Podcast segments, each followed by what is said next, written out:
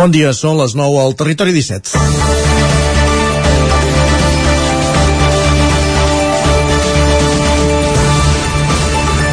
De seguida, al Territori 17, escoltarem el testimoni de la Darina Cert. És una de les moltes nenes ucraïneses que al llarg de les darreres dècades han passat els estius a Osona, gràcies a l'activitat d'Osona amb els nens, una entitat sense ànim de lucre que permet als infants que viuen a zones afectades per la radiació de l'explosió de la central nuclear de Chernobyl passar unes setmanes lluny d'aquesta zona unes setmanes terapèutiques per ells.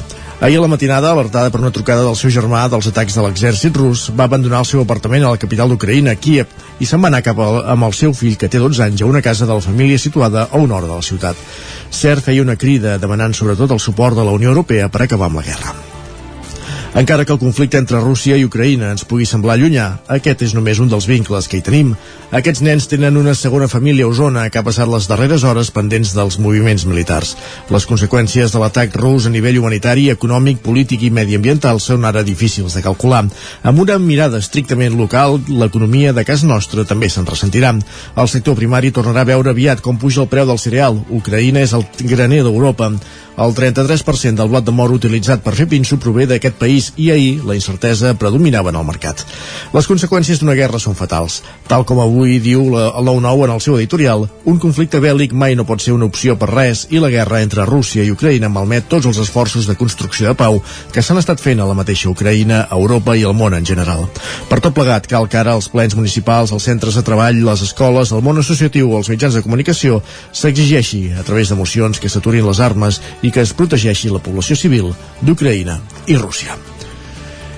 És divendres, 25 de febrer de 2022 i comença un nou Territori 17 a la sintonia de Ràdio Cardedeu, la veu de Sant Joan, Ona Codinenca, Ràdio Vic, el 9 FM i el 9 TV. Territori 17, amb Isaac Moreno i Jordi Sunyer.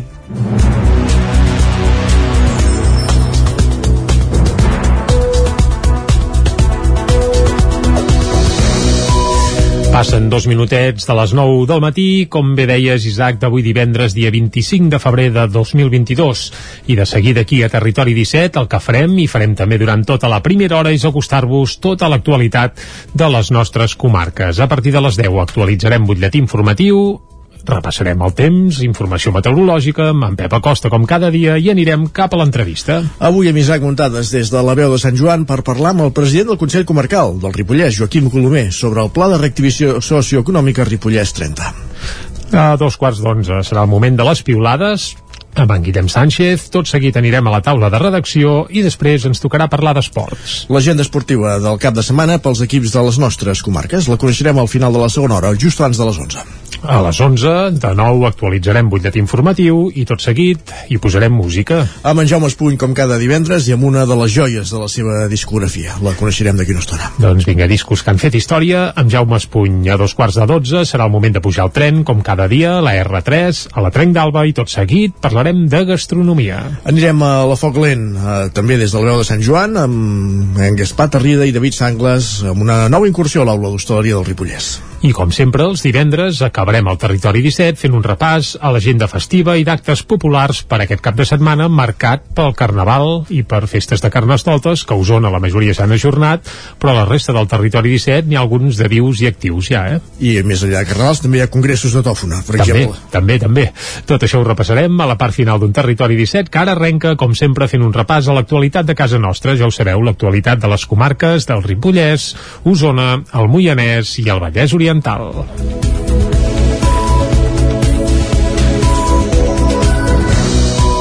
Per explicar-vos que Darina Cert és una ucraïnesa que va fer diverses estades a Torelló amb el programa de l'entitat Osona amb els nens i impulsat arran de la tragèdia de Chernobyl.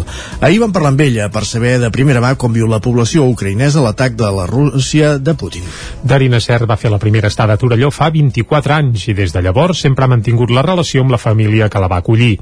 Ahir a la matinada, alertada per una trucada del seu germà dels atacs de l'exèrcit rus, va abandonar el seu apartament a la capital d'Ucraïna, a Kiev, i se'n va anar amb el seu fill de 12 anys a una casa de la família situada a una hora de la ciutat. Encara amb connexió a internet, però amb el temor de poder perdre-la en qualsevol moment, relatava la incredulitat, la incertesa i la por que estan vivint amb l'operació militar a gran escala que ha encetat Rússia. Escoltem el testimoni de Darina Cert. El meu germà m'ha trucat i diu que els russos uh, ataquen uh, la capital i moltes aeroports i bases uh, militars i diu agafa coses i marxa de casa mm, cap a casa de pagès que tenim una mica més fora de capital. El meu fill uh, cap a cotxe i en una hora he arribat a casa de pagès estic aquí i ara ja he sentit les notícies que uh, on està el meu apartament ja era un atac, perquè a costat allà tenim un aeroport, ningú no ha pogut esperar o imaginar aquesta situació en el segle XXI al, al centre d'Europa i, ostres, uh, tenim molta por, clar, i sobretot jo pateixo molt per el meu fill, uh, té 12 anys i clar, per ell és una experiència tan traumàtica uh, que ningú no té que viure això a la seva infància. Cert, també explica que ha rebut trucades des de Torelló i Barcelona on hi té amics per oferir-li allotjament, però que ara mateix veu complicat poder sortir del país. Tots els meus amics uh, de Torelló i Barcelona, tots em truquen, uh, bueno, de d'altres països també, uh, que veniu, que esperem a casa i bueno, de moment no veig la possibilitat uh, que puc conduir fins a Polònia uh, perquè el tot Ucraïna està sobre un atac i no sé si és uh, possible, crec que no. Potser després quan la, la situació és més clar intentaré venir cap a Polònia uh, perquè ja vaig agafar tots els meus documents del meu fill, una maleta que tenia fa, no sé, uns quants dies al meu cotxe. Per si en cas tinc que marxar de meva casa i no tornar mai més. Cert, feia una crida demanant suport, sobretot a la Unió Europea, per acabar amb la guerra. Canviem de qüestió, sens dubte, de demolidor aquest testimoni. Set dels deu pobles que hi ha al Moianès no tenen caixer automàtic. Alguns l'han perdut els últims anys i d'altres no n'han tingut mai. Tots ells estan interessats en el projecte que la Diputació de Barcelona d'instal·lar caixers automàtics a pobles petits. Caral Campàs, des d'Ona Codinenca. La setmana passada la Diputació de Barcelona anunciava que obriria un projecte per instal·lar caixers automàtics en pobles de menys de 5.000 habitants de la demarcació. A falta de saber els detalls del projecte, al Moianès set pobles s'han mostrat interessats en la proposta. Anna Guixà, alcaldessa de Sant Quirze, explicava la situació al seu poble. Nosaltres eh, aquí a Sant Quirze a dia d'avui no tenim caixer automàtic. Sí que n'havien tingut en el seu dia, potser fa tot, no sé, segurament deu fer 12 o 15 anys que, que el van treure, eh? vull dir que ja, ja fa bastant temps que el van treure. Uh, l'entitat bancària ens va raonar que ens el treia perquè, bueno, perquè no se'n feia ús o perquè clar, el, rati d'ús que teníem a Sant Quirze era molt baix però clar, també hem de tenir en compte el nombre d'habitants que hi ha al municipi que per tant tampoc, presumiblement, tampoc no podia haver-hi un rati molt alt. Un altre cas similar és el de Monistrol de Calders, que tenen el caixer més proper a uns 15 quilòmetres. De fet, s'han de desplaçar fins a Artés, la comarca veïna. Ramon Vancells, alcalde de Monistrol.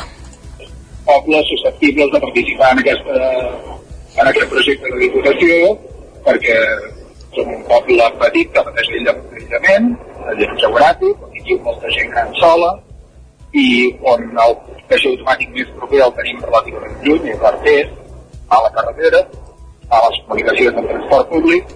Vancells també lamenta que la solució acabi passant per donar diners públics a la banca per aconseguir un servei que ja haurien d'assumir directament. Altres pobles com l'Estany o Granera no han tingut mai caixer automàtic i esperen que la proposta de Diputació o el canvi legislatiu proposat pel govern català els permeti trobar una solució. Pere Genescà, alcalde de Granera, afirmava que demanaran el caixer a la DIVA.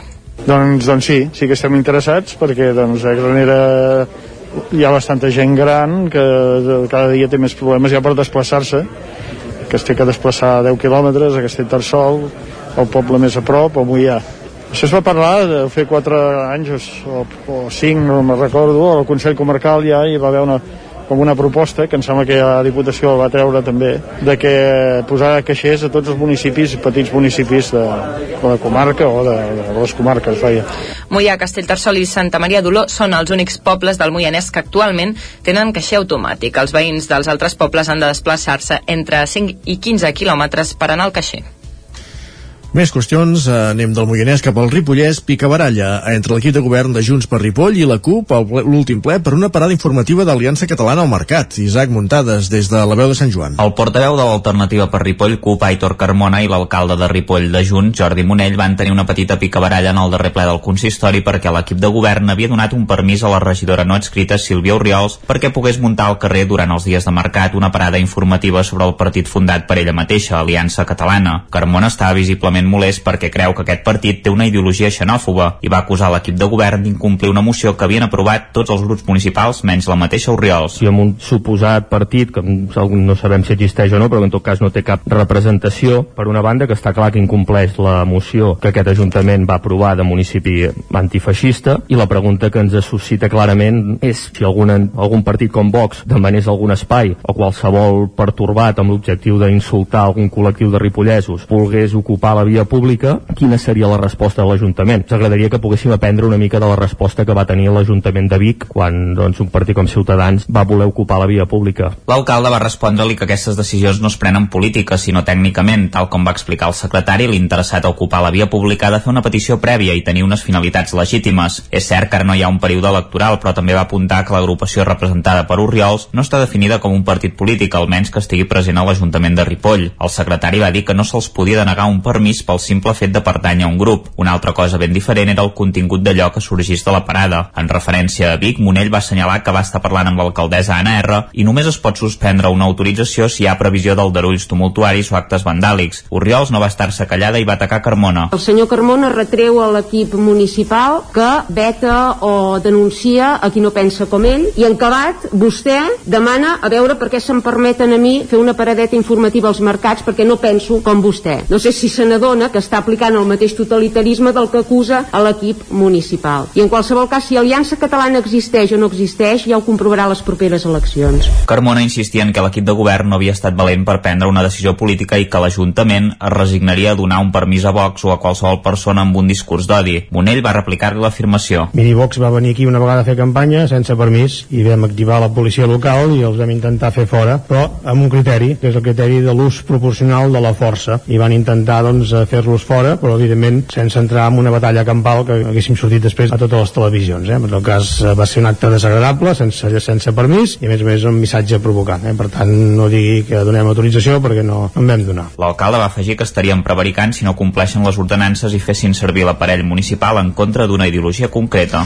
El Bisbat de Vic ha respost en un comunicat a les acusacions d'immatriculacions fraudulentes. Neguen qualsevol irregularitat i aleguen el dret d'inscriure béns que consideren seus. El comunicat arriba després que Unió de Pagesos, conjuntament amb altres entitats municipalistes, demanessin la revisió d'alguns dels casos. El Bisbat de Vic ha defensat la legalitat de les immatriculacions i nega que hi hagi hagut apropiació fraudulenta, expropiació o espoli en cap caps en cap dels casos que la diòcesi tenia en revisió. Així ho defensen en un comunicat on insisteixen en el dret de l'Església a immatricular aquells espais que considera seus i en relació a les informacions quan qualificat de fraudulentes a les immatriculacions del Bisbat de Vic, aleguen que són regularitzacions davant de registre de béns ja posseïts per l'Església i que en tots els casos s'hauria seguit correctament els requeriments del certificat d'immatriculació. Entre 1998 i el 2015 el Bisbat de Vic va immatricular un total de 303 finques de les 35.000 que es van immatricular a tot l'Estat i afirma haver atès dues peticions de particulars que hi estaven en desacord. Una d'aquestes peticions va acabar en un acord i l'altra amb un acord parcial. El comunicat de la diòcesi de Vic arriba després que Unió de Pagesos denunciés amb el suport d'entitats municipalistes la revocació d'algunes de les immatriculacions amb una tracturada a Castellfollit del Boix, on hi hauria uns terrenys afectats amb una església, una rectoria, un hort i un cementiri. El bisbat ha reiterat en el comunicat que hi podia haver errors i que estava disposat a revisar cas per cas. Ho avançàvem. Ahir una bona loto deixa 464.000 euros a Vic. La butlleta, amb sis encerts, la van validar l'administració del Cau del Drac, la mateixa que l'any 2005 va vendre el primer premi de la loteria de Nadal. En el sorteig de la bona loto d'ahir dimecres, Terrades hi va haver dues butlletes guanyadores de primera categoria, de sis encerts. Una la van validar al cau del drac de Vic, al carrer Manlleu, una administració acostumada a repartir ja premis, sobretot de la loteria de Nadal, però que encara no n'havia lliurat cap d'important en Bonoloto. Ho explica Miquel Colina, que és el propietari de l'administració. Estàvem molt acostumats a, a donar premis de, de loteria, de Nadal i inclús de la setmana, però d'aquests de primitives i el que se'n diu jocs actius, doncs només n'havíem donat un de l'euromilló d'uns 35.000 euros, una cosa així, i aquest doncs, ha sigut molt, molt més gran, primer de tot perquè ha sigut un primer premi, és a dir, uns acertant de, de sis apostes, i a més a més doncs, perquè tot i el premi que és gran doncs, ha sigut repartit entre dues persones, vull dir que si no el premi era, era, era molt més gran. Però la veritat que sí, molt contents i bueno, esperant que, que l'afortunat o afortunada doncs, ho disfruti molt ho gaudirà segur, ja t'ho ben asseguro. De pistes sobre qui pot ser la persona premiada, però n'hi ha poques. El que sí se sap és que la butlleta es va comprar presencialment a l'administració i que qui va triar els números va ser la màquina. Escoltem a Miquel Colina. Ha sigut una persona que va venir amb finestreta, vull dir que es va, es va fent aquí, no s'ha sigut ni per la pàgina web ni, ni per altres plataformes, vull dir és un client que, que ve aquí físicament. Uh, va ser una aposta feta de, de màquina, això vol dir que la màquina va triar els números, no? Un gran mite de que sempre passa és que la màquina no treu mai els números números bons, doncs aquest va ser un, un número totalment aleatori, una persona que va demanar una aposta setmanal i que, i que la va fer eh, no sabem quin dia, però vull dir que el màxim que es va gastar eh, són 3 euros, perquè és una aposta per tota la setmana, per tant, doncs amb 3 euros o menys eh, doncs eh, aquesta setmana li ha tocat el, el Premi Gros. És la primera vegada que des del cau del Drac de Vic venen un primer premi de la Bonoloto. En Loteria Nacional Espanyola, però, ja tenen un llarg currículum on destaca el primer premi que l'any 2005 va deixar 510 milions d'euros a Vic. El més possible, segons explicava Colina, és que l'afortunat a hores d'ara encara no sàpiga que li ha tocat el Premi Gros. Si heu jugat a la Bonoloto, per tant, i l'heu segellat al cau del Drac, mireu bé la combinació premiada. Us hi van 464.024 euros. Jo ho faria. Jo també. Tres... Però, però no n'he comprat cap, no, eh? ja, ja ho asseguro. Tres instituts del Vallès Oriental participen en un projecte de l'Agència Espacial Europea per crear un minisatèl·lit. També hi treballen estudiants d'educació secundària de tota Europa. Núria Lázaro, des de Ràdio Televisió Cardedeu. Alumnes de l'Institut Vilamajor, el Centre d'Estudis Mollet i l'Institut Pla Mercè de Cardedeu participen en l'edició d'enguany del projecte CANSAT. Es tracta d'una iniciativa de l'Agència Espacial Europea en la que grups d'estudiants d'educació secundària de tota Europa han de dissenyar, construir i llançar un minisatèl·lit de la mida d'una llauna de refresc. El repte consisteix a desenvolupar tots els subsistemes principals que es troben en un satèl·lit i encabir-los en el volum i forma d'una llauna de refrescos. Al llarg del procés de disseny s'han d'entregar tres informes. El cansat dissenyat és llançat per un coet. Durant el vol s'ha de portar a terme una missió científica o demostració tecnològica que ha de finalitzar amb un aterratge segur. Finalment, les dades recopilades són analitzades i presentades. CANSAT és una competició internacional que es desenvolupa en tres fases. La fase local a Catalunya l'organitza l'Escola Superior d'Enginyeries Industrials Aeroespacial i Audiovisual de Terrassa, de la Universitat Politècnica de Catalunya, amb la col·laboració dels departaments de la Vicepresidència i Polítiques Digitals i Territori i d'Educació de la Generalitat de Catalunya i de Zero Spain.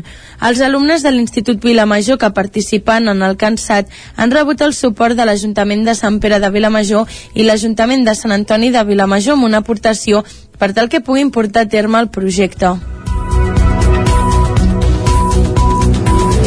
Acabem aquí aquest repàs informatiu que començàvem a les 9 en companyia de Núria Lázaro, Isaac Muntades, que era el Campàs, i Jordi Sunyer. Moment ara de saludar en Pep Acosta.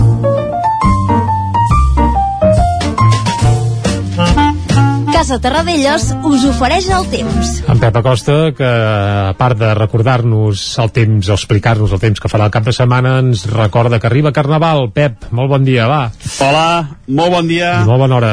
I quin temps anem aquest cap de setmana? Aviam, aviam. Comencem per avui, perquè les temperatures mínimes han pujat una mica, es debilita una mica l'anticicló, està una mica més dèbil aquest anticicló famosíssim ja al centre d'Europa, i tenim un petit front que ens està creuant mm, és eh, no la quarta, jo diria cinquena, sisena categoria, eh? per tant és gairebé mm, anecdòtic mhm. gairebé no ens proporcionarà cap, eh, cap influència en el temps però bueno, ens està passant aquest petit front l'únic que farà avui és que les temperatures màximes baixin Les mínimes han pujat i les màximes baixaran.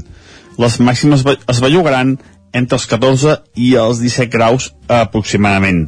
Uh, per tant, aquest contrast tèrmic entre dia i la nit serà uh, menys accentuat. No hi haurà tant contrast tèrmic entre el dia i la nit.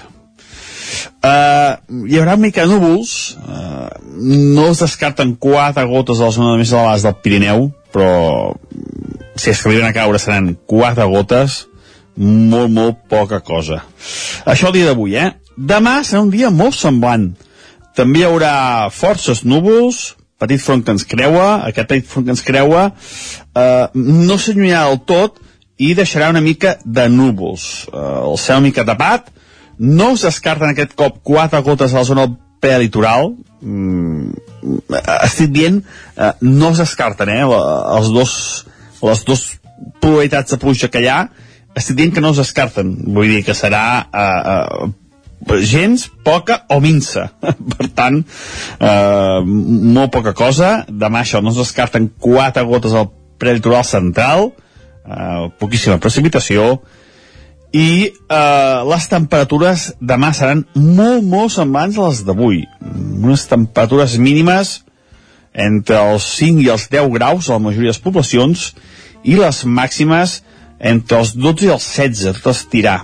Per tant, ja veieu, eh, aquest contrast tèrmic entre dia i la nit, eh, que es va, es va eh, fent cada vegada més petit, eh, hi haurà poc contrast tèrmic entre el dia i la nit. I de cara a diumenge eh, seguirà aquest temps bastant semblant, mm, bastant semblant aquest temps, un temps amb forces núvols, però gairebé cap precipitació, un temps molt mm, eh, molt molt, molt normal, eh? un temps, eh, com diria, molt poc, amb molt poc incidents meteorològics, eh, molta, molta pausa meteorològica, com ens té acostumats aquests, aquest 2022. Eh, tampoc plourà lloc diumenge, hi haurà bastants núvols, i les temperatures també molt semblants eh, a tot de cada setmana. Les temperatures mínimes no seran molt baixes, i les màximes sí que baixaran respecte a aquests últims dies. Això és degut a aquest front petit que ens, ens passa avui, que ens portarà una mica de vent de nord, eh, després anticiclós debilit una mica i farà que, eh, que no, no faci tant de sol i per això les temperatures quedaran una mica més frenades durant aquest cap de setmana. Per tant, anem molt de pressa i resumint, el cap de setmana de Carnaval serà eh, bastant ennuvolat, no farà ja un sol de justícia com fa aquests últims dies, una mica ennuvolat i una mica més fred, sobretot de dia. De dia serà una mica més fred, degut a que tenim una petita circulació de vents de nord i farà que les temperatures baixin una mica. Però con poc contrast entre dia i la nit, per tant, amplitud tèrmica poc important i també vents febles. No bufarà cap vent destacat a cap població ni cap cim ni cap muntanya de les nostres comarques.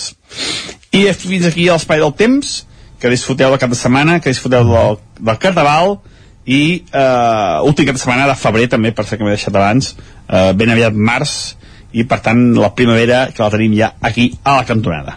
Moltes gràcies, adeu. Doncs vinga, que vagi bé, Pep. Salut, adeu. I bon carnaval als Exacte. que tinguin carnaval. Que Correcte. Els, que, els que no el tindran d'aquí un mes. Va, anem vinga. a les portades. Ah, cap a les portades. Casa Tarradellas us ha ofert aquest espai. Doncs això, moment d'entrar al quiosc al Territori 17 i com cada divendres començant repassant les portades del 9-9. Correcte, i expliquem, eh, començant per l'edició d'Osona i el Ripollès, cobra dient que Vic necessita triplicar l'oferta de places de residència per a estudiants universitaris per cobrir la demanda. I eh, també s'explica que hi ha dos projectes per construir nous centres, però que també hi ha poca oferta de pisos de lloguer. La fotografia principal és pels catarres que tornen als escenaris amb diamants.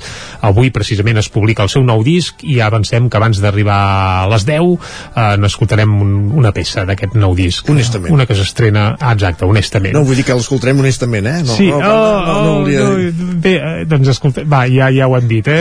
Estrenarem aquesta peça, honestament. Un, una peça de la qual avui se n'estrena un videoclip, també. Lluït, 20è aniversari des del dijous Llarder a Vic, també s'explica la portada del 9-9 d'Osona i el Ripollès, ahir vam ser-hi en directe a Territori 17, i també s'explica que els militants ciutadans d'Esquerra Republicana ratifiquen Eva Font com a candidata a l'alcaldia de Manlleu. Anem cap al Vallès Oriental, titular principal per Granollers i Mollet que reben els primers fons Next Generation. L'Estat concedeix 4,7 milions d'euros als dos ajuntaments per implantar zones de baixes emissions, de contaminació i fomentar el transport sostenible. La fotografia per una prealerta de sequera al Vallès Oriental i es veu una fotografia del pantà de Vallfornès a Cànoves, eh, tal com estava doncs, el gener del 2020 i com està ara. Evidentment el canvi és molt i molt notori. Eh, Imaginem. Es nota. També el futur de la planta d'escricursa a Granollers penja d'un fil. Això també s'explica avui al 9-9 del Vallès Oriental. I tenim dos minuts per la resta de diaris. Va, Vinga, la resta de diaris d'àmbit, eh, diguem-ne, nacional, que tots arrenquen pel mateix, eh? Guerra. El punt avui titula precisament així, Guerra, a seques, amb una fotografia gegantina d'un míssil que impacta a Ucraïna i també diuen esportistes catalans miren de fugir de diferents ciutats i relaten el cas, doncs, per exemple, de l'exentrenador del Barça femení, uh, femení de futbol, que ara és seleccionador ucraïnès i com intenta fugir del país. A l'ara, Putin envaeix Ucraïna. Les tropes russes ataquen per terra, mar i aire.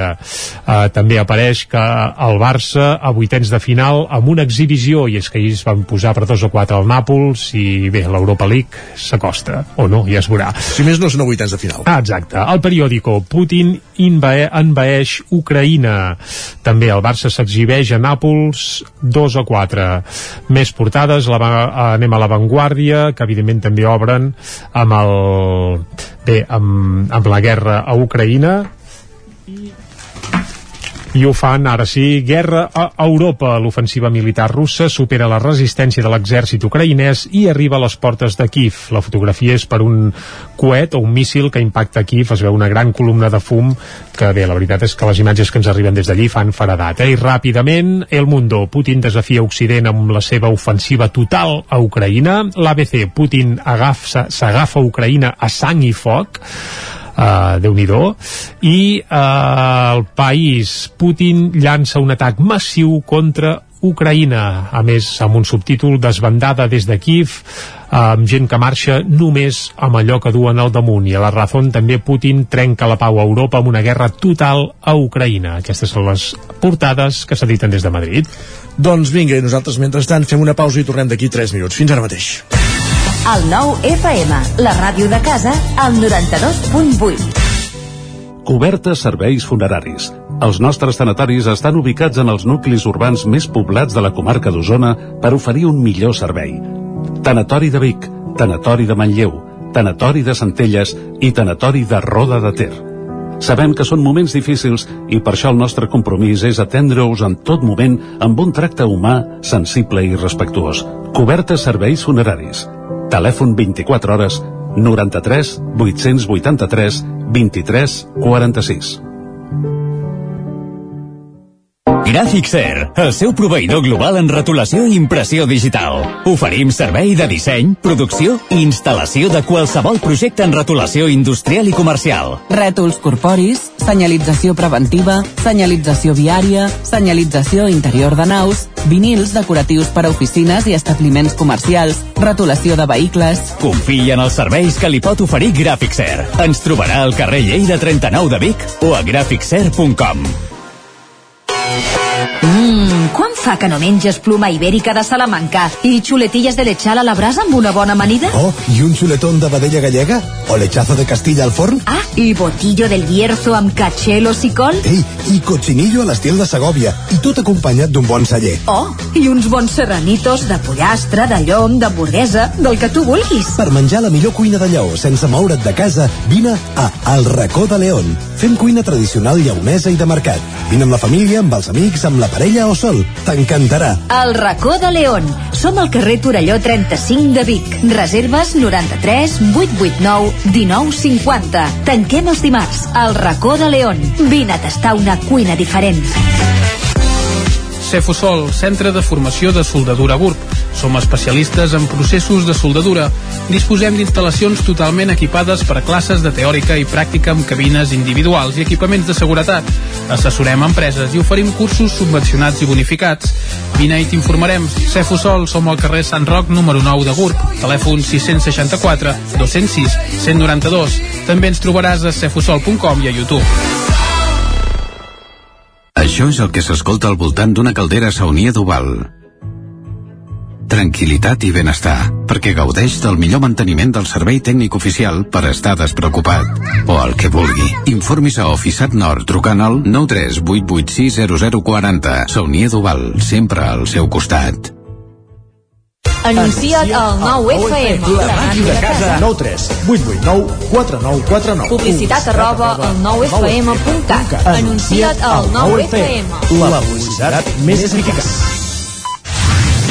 El 9FM. El 9FM. En punt, dos quarts de deu al territori 17.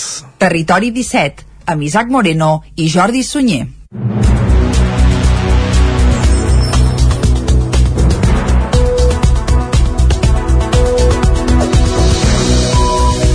Doncs dos quarts de deu en punt, d'avui divendres, dia 25 de febrer de 2022, i en aquest moment, en aquesta hora de seguida, el que farem és acostar-vos, com fem sempre, de nou, tota l'actualitat de casa nostra, de les nostres comarques. I abans, ja us avancem, el menú que tindrem fins al punt de les 12 del migdia. Abans de les 10, avui parlarem dels Catarres, que treuen nou disc precisament avui.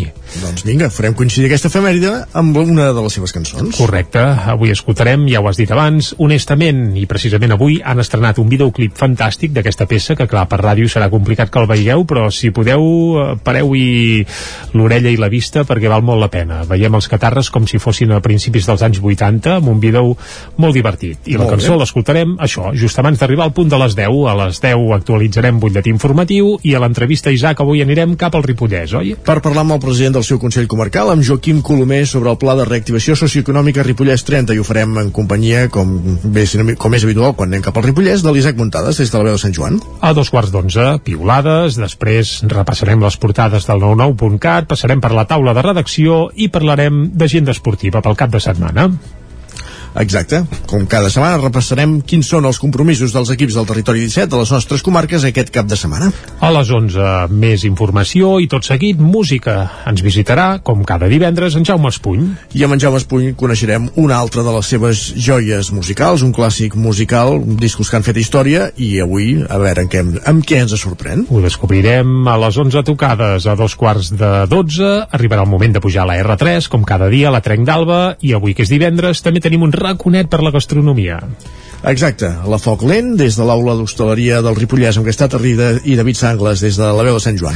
I acabarem, com fem sempre, els divendres, amb l'agenda festiva i d'actes populars pel cap de setmana. Una Això agenda, la part final. exacte, en la qual en Miquel R també es parlarà de gastronomia perquè connectarà en directe amb nosaltres des del Trufòrum per explicar-nos una de les activitats que es fan aquest cap de setmana a Osona, que és aquest, aquest congrés de la tòfona. Doncs vinga, tots els detalls d'aquest congrés a la part final d'un programa que ara segueix acostant-vos, com fem sempre, l'actualitat de casa nostra, de casa vostra, de les comarques del Ripollès, Osona, el Moianès i el Vallès Oriental. Per explicar-vos que Darina Cert és una ucraïnesa que va fer diverses estades a Torelló amb el programa de l'entitat Osona amb els nens impulsat arran de la tragèdia de Txernòbil. Ahir vam parlar amb ella per saber de primera mà com viu la població ucraïnesa l'atac de la Rússia de Putin. Darina Cert va fer la primera estada a Torelló fa 24 anys i des de llavors sempre ha mantingut la relació amb la família que la va acollir. Ahir a la matinada, alertada per una trucada del seu germà dels atacs de l'exèrcit rus, va abandonar el seu apartament a la capital d'Ucraïna, a Kiev, i se'n va anar amb el seu fill de 12 anys a una casa de la família situada a una hora de la ciutat.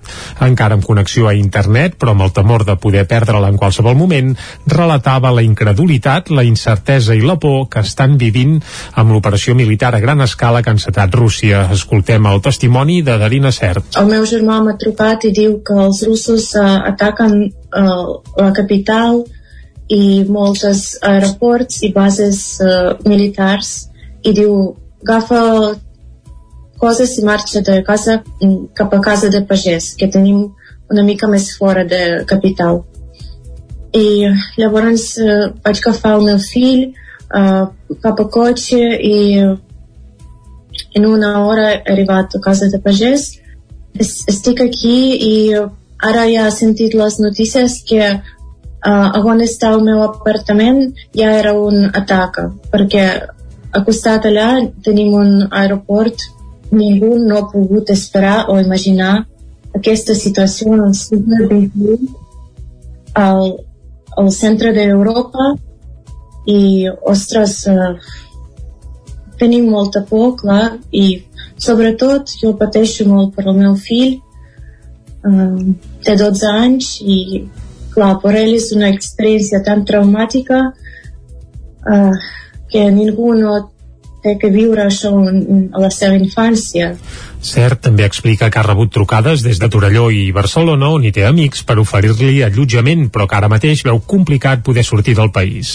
Tots els meus amics uh, de Torelló i Barcelona tots em truquen uh, bueno, de d'altres països també uh, que veniu que esperem a casa i bueno, de moment no veig la possibilitat uh, que puc conduir fins a Polònia. Uh, perquè el tot Ucraïna està sobre un atac. I no sé si és uh, possible. Crec que no.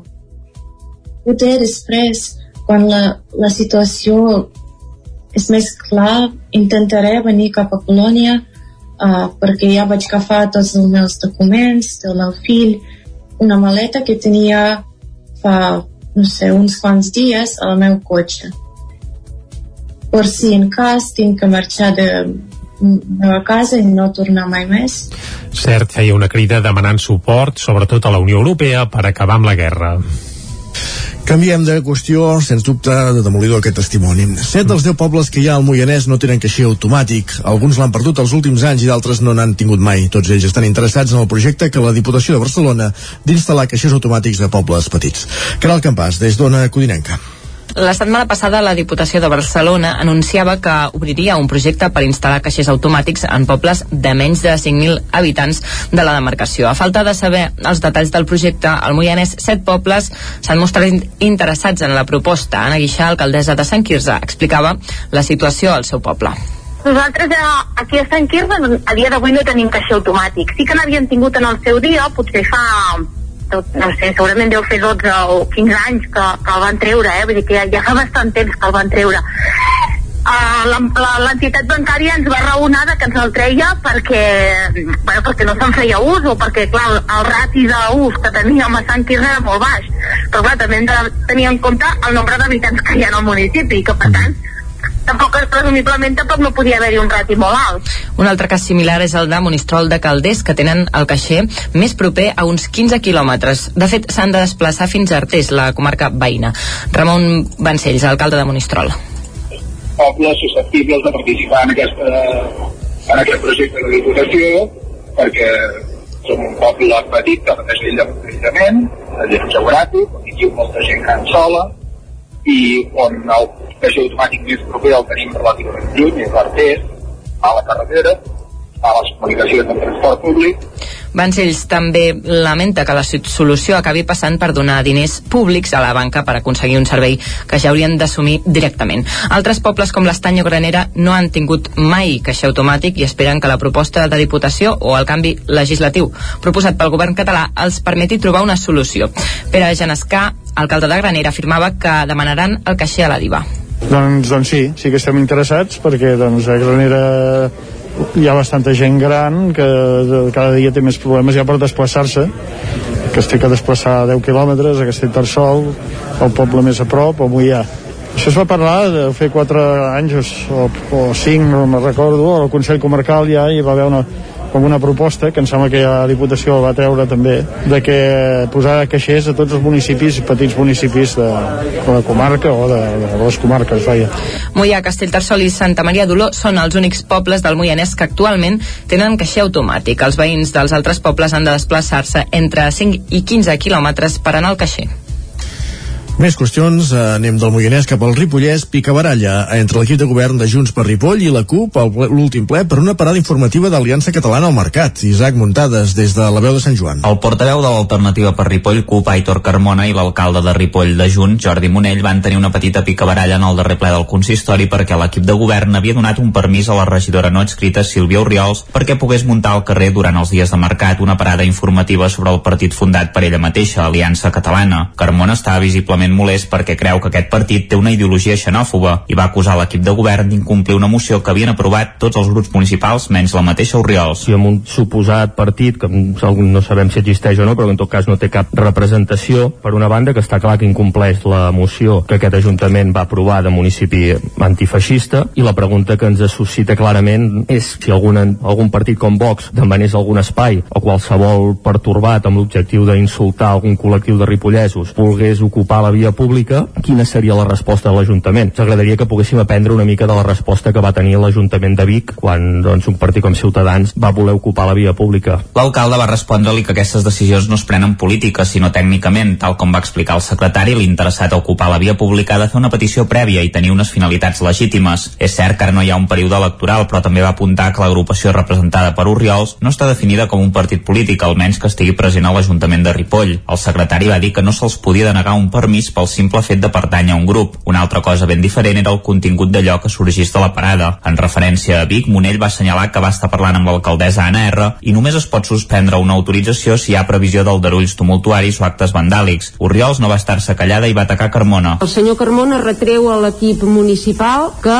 veta o denuncia a qui no pensa com ell i en acabat vostè demana a veure per què se'm permeten a mi fer una paradeta informativa als mercats perquè no penso com vostè. No sé si se n'adona que està aplicant el mateix totalitarisme del que acusa a l'equip municipal. I en qualsevol cas, si Aliança Catalana existeix o no existeix, ja ho comprovarà les properes eleccions. Carmona insistia en que l'equip de govern no havia estat valent per prendre una decisió política i que l'Ajuntament es resignaria a donar un permís a Vox o a qualsevol persona amb un discurs d'odi. Monell va replicar-li l'afirmació. Miri, Vox va venir aquí una vegada a fer campanya sense permís i vam activar la policia local i els vam intentar fer fora, però amb un criteri, que és el criteri de l'ús proporcional de la força. I van intentar doncs, fer-los fora, però evidentment sense entrar en una batalla campal que haguéssim sortit després a totes les televisions. Eh? En tot cas va ser un acte desagradable, sense, sense permís, i a més a més un missatge provocant. Eh? Per tant, no digui que donem autorització perquè no en vam donar. L'alcalde va afegir que estarien prevaricant si no compleixen les ordenances i fessin servir l'aparell municipal en contra d'una ideologia concreta. El Bisbat de Vic ha respost en un comunicat a les acusacions d'immatriculacions fraudulentes. Neguen qualsevol irregularitat i aleguen el dret d'inscriure béns que consideren seus.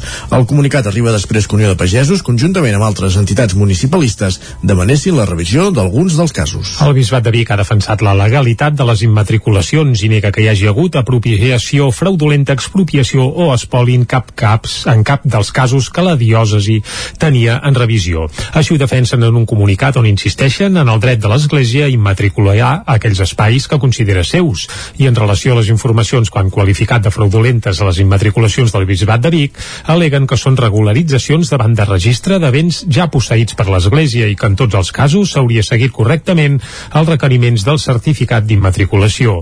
Entre 1998 i el 2015 el Bisbat de Vic va immatricular un total de 303 finques de les 35.000 que es van immatricular a tot l'Estat i afirma haver atès dues peticions de particulars que hi estaven en desacord. Una d'aquestes peticions va acabar en un acord i l'altra amb un acord parcial.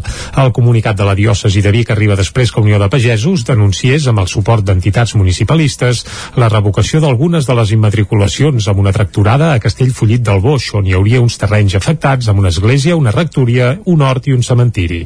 El bisbat ha reiterat en el comunicat que hi podia haver errors i que estava disposat a revisar cas per cas.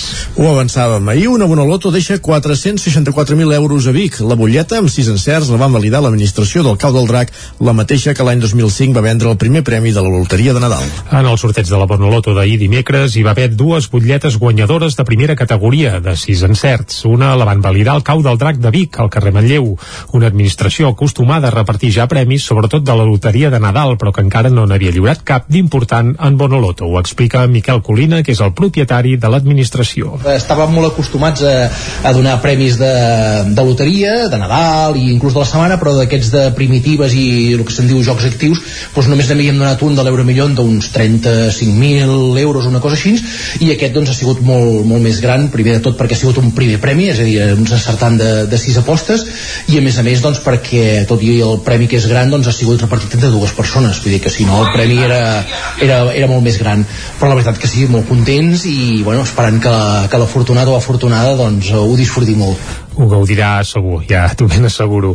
De pistes sobre qui pot ser la persona premiada, però n'hi ha poques. El que sí se sap és que la butlleta es va comprar presencialment a l'administració i que qui va triar els números va ser la màquina. Escoltem a Miquel Colina. Ha sigut una persona que va venir amb finestreta, vull dir que es va, es va fent aquí, no s'ha sigut ni per la pàgina web ni, ni per altres plataformes, vull dir, és un client que, que ve aquí físicament.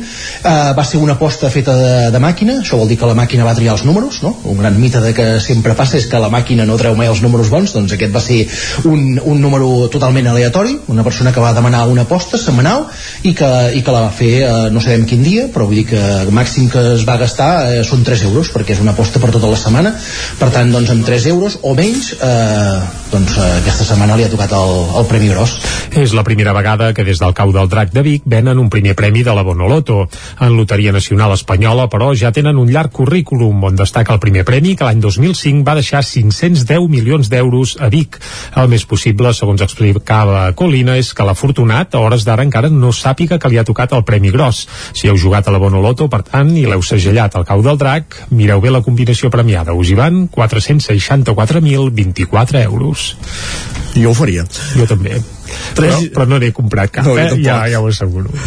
Tres instituts del Vallès Oriental participen en un projecte de l'Agència Espacial Europea per crear un minisatèl·lit. També hi treballen estudiants d'educació secundària de tota Europa. Núria Lázaro, des de Ràdio Televisió Cardedeu. Alumnes de l'Institut Vilamajor, el Centre d'Estudis Mollet i l'Institut Pla Mercè de Cardedeu participen en l'edició d'enguany del projecte CANSAT. Es tracta d'una iniciativa de l'Agència Espacial Europea en la que grups d'estudiants d'educació secundària de tota Europa han de dissenyar, construir i llançar un minisatèl·lit de la mida d'una llauna de refresc. El repte consisteix a desenvolupar tots els subsistemes principals que es troben en un satèl·lit i encabir-los en el volum i forma d'una llauna de refrescos. Al llarg del procés de disseny s'han d'entregar tres informes. El cansat dissenyat és llançat per un coet. Durant el vol s'ha de portar a terme una missió científica o demostració tecnològica que ha de finalitzar amb un aterratge segur. Finalment, les dades recopilades són analitzades i presentades. CANSAT és una competició internacional que es desenvolupa en tres fases.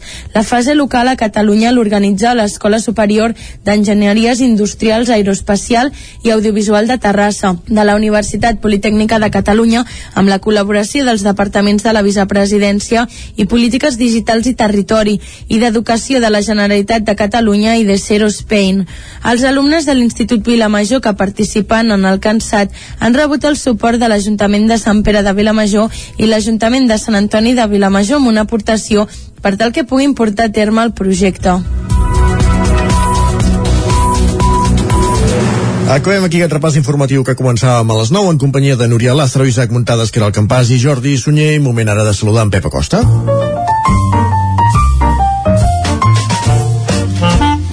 Casa Terradellos us ofereix el temps. En Pep Acosta, que a part de recordar-nos el temps o explicar-nos el temps que farà el cap de setmana, ens recorda que arriba Carnaval. Pep, molt bon dia, va. Hola, molt bon dia. Molt bona hora. I quin temps tenim aquest cap de setmana? Aviam, aviam. Comencem per avui, perquè les temperatures mínimes han pujat una mica, es debilita una mica l'anticicló, està una mica més dèbil aquest anticicló famosíssim ja al centre d'Europa, i tenim un petit front que ens està creuant. Mm, és eh, no la quarta, jo diria cinquena, sisena categoria, eh? per tant és gairebé mm, anecdòtic. Mhm. gairebé no ens proporcionarà cap, eh, cap influència en el temps. Però bueno, ens està passant aquest petit front. L'únic que farà avui és que les temperatures màximes baixin. Les mínimes han pujat i les màximes baixaran. Les màximes es bellugaran entre els 14 i els 17 graus aproximadament. Uh, per tant, aquest contrast tèrmic entre dia i la nit serà uh, menys accentuat. No hi haurà tant contrast tèrmic entre el dia i la nit. Uh, hi haurà mica núvols, uh, no es descarten quatre gotes a la zona més elevades del Pirineu, però si es que a caure seran quatre gotes, molt, molt poca cosa. Això el dia d'avui, eh? Demà serà un dia molt semblant. També hi haurà forces núvols, petit front que ens creua, aquest petit front que ens creua eh, no s'allunyarà del tot i deixarà una mica de núvols. Eh, el cel una mica tapat, no es descarten aquest cop quatre gotes a la zona prelitoral, mm, estic dient, eh, no es descarten, eh, els dos, les dues probabilitats de pluja que hi ha, estic dient que no es descarten, vull dir que serà eh, eh, gens, poca o minsa. per tant, eh, molt poca cosa. Demà això, no es descarten quatre gotes al prelitoral central, eh, poquíssima precipitació, i eh, les temperatures demà seran molt, molt semblants a les d'avui. Unes temperatures mínimes entre els 5 i els 10 graus a la majoria de les poblacions i les màximes entre els 12 i els 16, tot estirar. Per tant, ja veieu, eh, aquest contrast tèrmic entre dia i la nit, eh, que es va, es va eh, fent cada vegada més petit, eh, hi haurà poc contrast tèrmic entre el dia i la nit. I de cara a diumenge eh, seguirà aquest temps bastant semblant, mm, bastant semblant aquest temps, un temps amb forces núvols, però gairebé cap precipitació, un temps molt mm, molt molt, molt normal, eh? un temps eh, com diria molt poc amb molt pocs ingredients meteorològics, eh, molta, molta pausa meteorològica, com ens té acostumats aquests, aquest 2022. Eh, tampoc haurà lloc diumenge, hi haurà bastants núvols i les temperatures també molt setmans eh, a tot de cada setmana. Les temperatures mínimes no seran molt baixes i les màximes sí que baixaran respecte a aquests últims dies. Això és degut a aquest front petit que ens, ens passa avui, que ens portarà una mica de vent de nord, eh, després anticiclós debilitat una mica i farà que, eh, que no, no faci tant de sol i per això les temperatures quedaran una mica més frenades durant aquest cap de setmana. Per tant, anem molt de pressa i resumint, el cap de setmana de Carnaval serà eh, bastant ennuvolat, no farà ja un sol de justícia com fa aquests últims dies, una mica ennuvolat i una mica més fred, sobretot de dia. De dia serà una mica més fred, degut a que tenim una petita circulació de vents de nord i farà que les temperatures baixin una mica.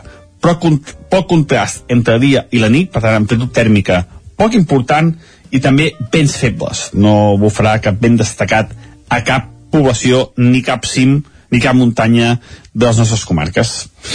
I fins aquí l'espai del temps, que disfruteu del cap de setmana, que disfruteu del, del carnaval, i eh, últim de setmana de febrer també, per ser que m'he deixat abans, eh, ben aviat març, i per tant la primavera que la tenim ja aquí a la cantonada.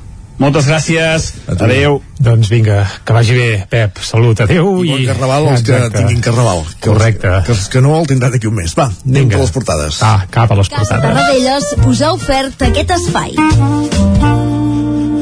Doncs això, moment d'entrar al quiosc al Territori 17 i com cada divendres començant repassant les portades del 9-9. Correcte, i expliquem, eh, començant per l'edició d'Osona i el Ripollès, cobra dient que Vic necessita triplicar l'oferta de places de residència per a estudiants universitaris per cobrir la demanda. I eh, també s'explica que hi ha dos projectes per construir nous centres, però que també hi ha poca oferta de pisos de lloguer. La fotografia principal és pels catarres, que tornen als escenaris amb diamants. Avui, precisament, es publica el seu nou disc i avancem que abans d'arribar a les 10 eh, n'escoltarem un, una peça d'aquest nou disc. Honestament. Una que s'estrena, ah, exacte, honestament. No vull dir que l'escoltarem honestament, eh? No, sí, no, no, oh, no, no, volia oh, dir. no, bé, eh, doncs escolta, va, ja, ja ho hem dit, eh?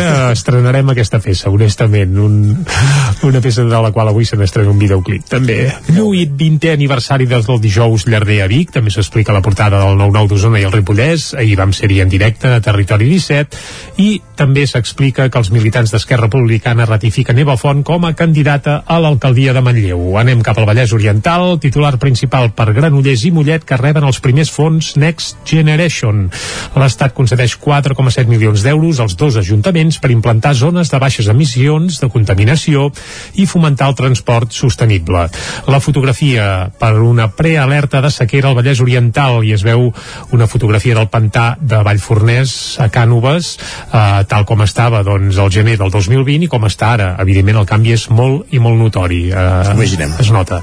També el futur de la planta d'escricursa a Granollers penja d'un fil. Això també s'explica avui al 9-9 del Vallès Oriental. I anem- tenim dos minuts per la resta de diaris. Va, Vinga, la resta avui. de diaris d'àmbit, eh, diguem-ne, nacional, que tots arrenquen pel mateix, eh? Guerra. El punt avui titula precisament així, Guerra, a seques, amb una fotografia gegantina d'un míssil que impacta a Ucraïna i també diuen esportistes catalans miren de fugir de diferents ciutats i relaten el cas, doncs, per exemple, de l'exentrenador del Barça femení, uh, femení de futbol, que ara és seleccionador ucraïnès i com intenta fugir del país. A l'ara, Putin envaeix Ucraïna. Les tropes russes ataquen per terra, mar i aire.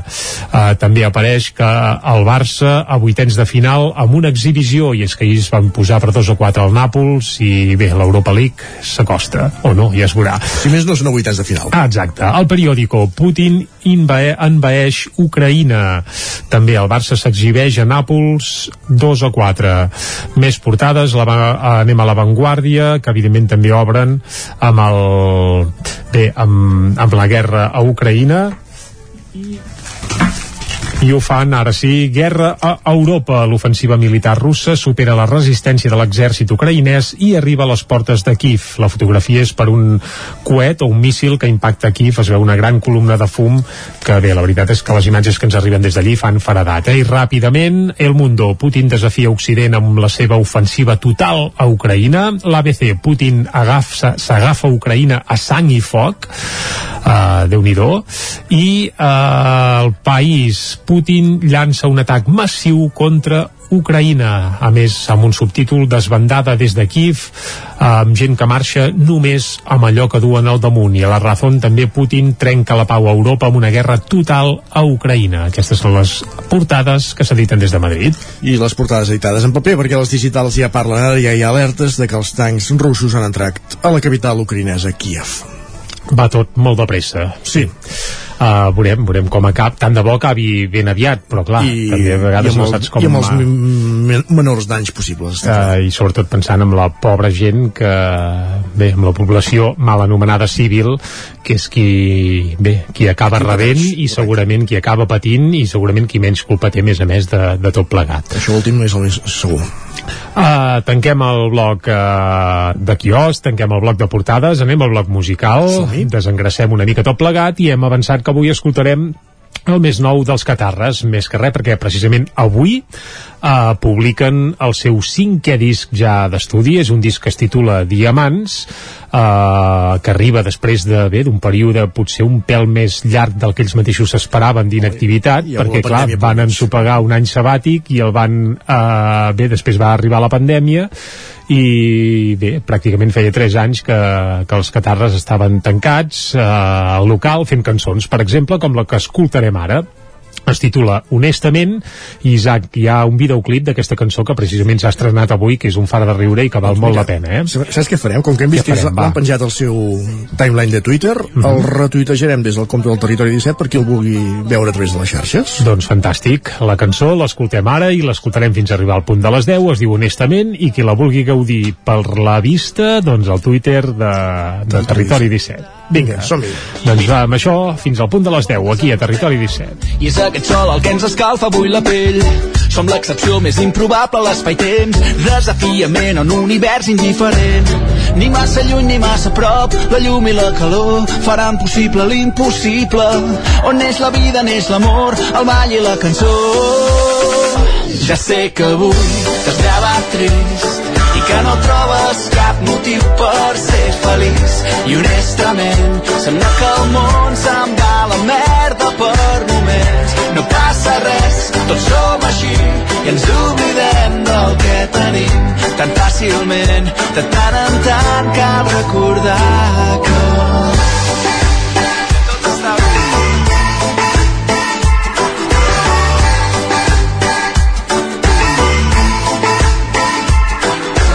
sols haver nascut ja és una gran casualitat.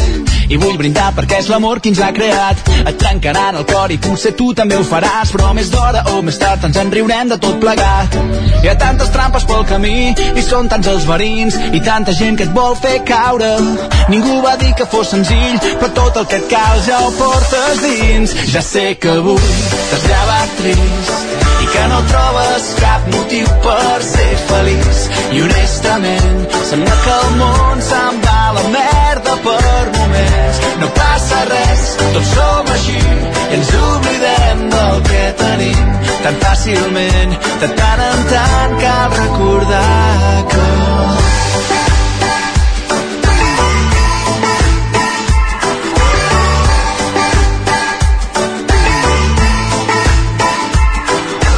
perquè hem fet la paraula i ens hem posat d'en peus, perquè hem construït miracles i hem desafiat els déus, perquè hem après a riure fins a l'hora més greu i al final hem fet sentir la nostra veu. Perquè busquem el repte quan tot està per fer, perquè hem sentit la crida dels herois i els pioners, perquè no hi ha fronteres pels que tenen el cor net i és en la corda fluixa quan més brillem. Ja sé que avui t'has llevat trist i que no trobes cap motiu per ser feliç. I honestament, sembla que el món se'n va a la merda per moments. No passa res, tots som així i ens oblidem del que tenim tan fàcilment. De tant en tant cal recordar que,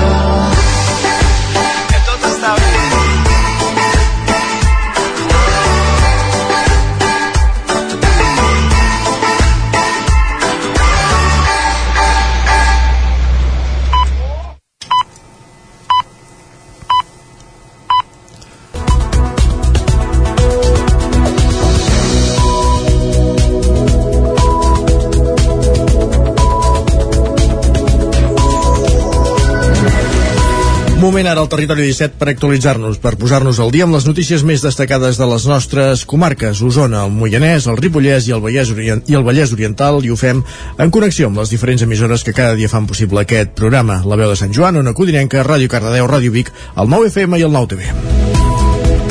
El col·lectiu Zona Cuina recupera amb èxit de públic el tradicional dijous llarder a la plaça Major de Vic, sota un sol de justícia poc habitual en ple mes de febrer. També es va recuperar el concurs de truites, que van poder seguir en directe al territori 17 d'ahir i que va guanyar el ballesà Oriol Balaguer. La festa que enguany celebrava la vintena edició es va tornar en el seu format i ubicació habitual, la plaça Major de Vic. L'activitat va començar a primera hora del matí amb els membres d'Osona Cuina bufant les espelmes del pastís d'aniversari que els va fer el col·lectiu Taula Dolça, l'associació de pastissers d'Osona. De fons a la graella gegant que en tot moment hi havia a la plaça i lluïen els porcs ral d'Avinyó, que s'anaven rostint. El gastronòm Pep Palau, un dels impulsors d'Osona Cuina, recordava que aquesta estampa ja era present a la festa quan va començar ara fa dues dècades. De qualsevol cosa que parlem de fa 20 anys sempre ens sembla que és un temps enorme i realment ho és. En 20 anys han passat moltes coses, però el que ha seguit passant a cada edició del dijous llarder a Vic és això que veiem aquí. Aquests porquets que rosteixen durant la nit i que durant el dia doncs, faran les delícies de tothom qui acudeixi a la plaça. I sempre tenint en compte els valors que van donar lloc a la fundació i la creació d'Osona Cuina, els que tenen a veure amb eh, l'estima dels productes locals i el treball proper amb els productors de proximitat, amb els productors usonencs el sol i una calor atípica del mes de febrer van acompanyar la gran festa d'Osona Cuina, una diada que l'any passat, i a causa de les restriccions derivades de la pandèmia, es va fer al recinte firal del Sucre en un format per emportar. És a dir, que t'havies d'endur l'entrepà i menjar-te a la casa, perquè ens entenguem. Ja en el format habitual, aquest any els membres d'Osona Cuina van tornar amb els productes de sempre i amb algunes novetats. Jordi Arumí és el president d'Osona Cuina. Novetat, novetat, tenim la botifarra negra d'Osona Terra i la botifarra blanca de Fet Osona. Uh, també seguim amb, els canelons, amb l'entrepà de canelons, entrepà de botifarra, de cansalada, el ja mític porc rostit que sortirà a les 12 i tenim una previsió del, de port de 1.000 i la resta, doncs això, 2.000 per, fins a arribar-hi. També es va recuperar el concurs de truites, que per primera vegada s'havien d'elaborar en directe. Oriol Balaguer, de Lliçà d'Amunt i alumne de l'Escola d'Hostaleria d'Osona, és qui es va endur el reconeixement del jurat i el primer premi valorat en 150 euros. L'escoltem. He fet una truita composta que és de les originals, truita francesa original, que està composta amb bacallà eh, esfarcit, eh, trencat, esmiculat, amb una mica d'all tendre sofregit amb un saltejat i amb molt carinyo i molt esforç i amb paciència hem aconseguit la, guanyar el premi. El degoteig de persones que van passar per la plaça de Vic va ser constant. Totes comprovaven el bon estat de salut d'una festa que l'any vinent coincidirà amb el 25è aniversari del col·lectiu Zona Cuina. Més qüestions. La Fundació Puigverd ha fet amb èxit les dues primeres cirurgies de l'estat espanyol amb un robot nou quirúrgic d'última generació. Un dels dos primers pacients que ha operat és el cuiner malleuenc Manel Moler, que també va formar part del col·lectiu Zona Cuina en el seu moment, precisament. I tant, i que ahir, precisament, vam parlar amb ell també en directe eh, des de la plaça Major de Vic en el marc de la celebració d'aquest dijous llarder. I ja podem donar fe que estava en plena forma. Eh, parlem d'aquesta operació pionera, i és que dins del quiròfon el cirurgià el que fa és moure amb comandaments i pedals els quatre braços modulars d'un robot i en una pantalla gran veu una imatge molt nítida i en tres dimensions de l'interior del pacient. Amb aquesta tecnologia pionera va ser operat el cuiner manlleuenc Manel Molera d'un càncer renal. Molera és un dels dos primers pacients que han estat intervinguts a tot l'estat espanyol amb aquest nou robot quirúrgic. Les operacions es van fer dilluns de la setmana passada a la Fundació Puigverd i Molera s'ha recuperat en molts pocs dies. Els pacients precisament es recuperen més ràpid perquè aquesta nova tecnologia permet extirpar el tumor parcialment. La Fundació Puigverd és el segon hospital d'Europa que opera amb aquest sistema. Aquest robot fins ara només s'havia utilitzat abans a Bèlgica, a Xile, a Panamà i a l'Índia. I que els pacients es recuperen ràpidament, eh, evidentment en podem donar fe perquè ahir a Territori 17 vam parlar amb Manel Molera. Més qüestions. Pares d'alumnes que estudien a la Coromina del Bac veuen bé el carril bici del carrer Ramon Durc de Sant Joan de les Abadesses perquè augmenta la seguretat dels seus fills. Isaac Muntades, des de la veu de Sant Joan. Així com hi ha més de 700 signatures de veïns que estan en contra del carril bici que travessa el carrer Ramon Durc per la pèrdua d'aparcaments, l'increment de la inseguretat o perquè ho veuen innecessari, també hi ha gent que està a favor de la seva instal·lació. És el cas de l'Helena Solà, una veïna del municipi que té una filla que utilitza la bicicleta per desplaçar-se cap a l'edifici de secundària de l'Institut Escola Mestre Andreu de la Coromina del Bac. Solà recorda que des del setembre passat els alumnes de sisè de primària d'11 i 12 anys han d'anar a l'edifici de l'institut a fer classe i tant ella com les seves amigues van decidir anar-hi en bicicleta. El viatge d'anada no generava cap problema, però sí el de tornada. Les nenes quedaven als quatre jardins i pujaven per la zona del Mestre Andreu, després creuaven la carretera per l'antic edifici del CAP, on ara hi ha l'aparcament, i s'incorporaven al carrer Ramon Dur, pujaven i fins a, fins a l'institut. En canvi de, de tornada de l'edifici de secundària a, a casa, diguéssim, al centre del poble, havien de tornar a passar pel carrer Ramon Dur, però aquesta vegada en contradirecció. Per tant, les obligava a passar per la, per la vorera amb la conseqüent molèstia que això suposa per, per la gent que va a peu. Els pares afectats van comentar a l'Institut Escola la necessitat que hi hagués un itinerari segur i també van parlar-ne amb l'Ajuntament. A partir d'aquí es va encetar el pla de mobilitat i ells van contribuir per demanar més seguretat pels nens a l'hora de traslladar-se a l'escola. Solà també diu que no veu malament per on passa el carril bici. Un carril bici amb la funcionalitat que ha de tenir ha de ser central i desconec si hi havia alguna altra alternativa. Es parla per darrere el camp de futbol o pel camí ral. Clar, són llocs que hi, has de, que hi vas a passejar i que hi has d'anar expressament, però si el que vols és una funcionalitat per anar i tornar d'un lloc o per anar a comprar o pel que sigui, entenc que el carril bici ha d'estar en un lloc central. Solà apunta que ells no van decidir l'itinerari, sinó que es va dissenyar a partir d'un estudi. Ara assegura que cal temps perquè la gent el vagi utilitzant com fan la seva filla i les seves amigues. Tot i això, amb el mal temps i el fred, van més a peu amb cotxe i caldrà esperar de cara a la primavera. Solà subratlla que hi ha d'haver un canvi d'hàbits amb la societat i que no s'ha d'utilitzar el cotxe, per exemple, per anar a fer un cafè al poble. Ella recorda que el sistema de recollida porta a porta també va suposar un trasbals i la gent s'hi va acostumar. Per altra part, creu que l'Ajuntament ha fet nous aparcaments aquests darrers anys a la zona de Can Creuet, on era l'edifici del CAP o el que s'està fent ara a les Cinc Fonts. En marxa les votacions dels pressupostos participatius juvenils COU de Cardedeu. Les votacions finalitzen aquest diumenge 27 de febrer. Núria Lázaro, des de Ràdio Televisió Cardedeu. Totes les joves d'entre 12 i 30 anys censades a Cardedeu poden votar per decidir sobre 8.000 euros del pressupost municipal que aniran destinats a projectes presentats en aquesta edició del COU 2022 per les mateixes joves. Enguany hi ha 12 projectes, dels quals se'n poden escollir 4. Dos projectes motivacionals i dos projectes socials. Es pot votar utilitzant dues vies diferents segons l'edat. Dels 12 als 16 anys a través dels instituts avui divendres 25 de febrer i dels 16 als 30 anys a través de la plataforma participa.cardedeu.cat fins al 27 de febrer. El COU crea opcions i a l'urna són els pressupostos participatius juvenils de Cardedeu que combinen la democràcia directa amb processos deliberatius basats en l'empoderament personal i comunitari. El procés es vincula a través del casal de joves La Paqui per pressupostos participatius juvenils i feministes, perquè, pel que explica la Núria, els joves no hi poden participar. Més qüestions. Juan Carlos Unzué va tornar a donar una lliçó de vida aquest dimecres a la Universitat de Vic. L'exporter i entrenador navarrès va presentar el llibre Una vida plena, que ha escrit conjuntament amb tres periodistes. Unzué, malalt d'ELA, lidera la lluita perquè la vida dels malalts que la pateixen sigui el més digne possible. L'aula magna de la Universitat de Vic es va omplir aquest dimecres per escoltar les reflexions de l'exfutbolista i entrenador Juan Carlos Unzué. Bona part de les seves vivències amb l'esclerosi lateral amiotròfica, l'ELA, que ja l'ha deixat en cadira de rodes, les explica al llibre Una vida plena, que ha fet conjuntament amb els periodistes Ramon Besa, Lu Martín i Marcos López. El rector de la Universitat de Vic, Josep Alari Baños, va obrir l'acte que moderava el professor Jordi Moles. Els tres autors van explicar com han fet el llibre i com això els ha fet canviar la seva visió de la vida.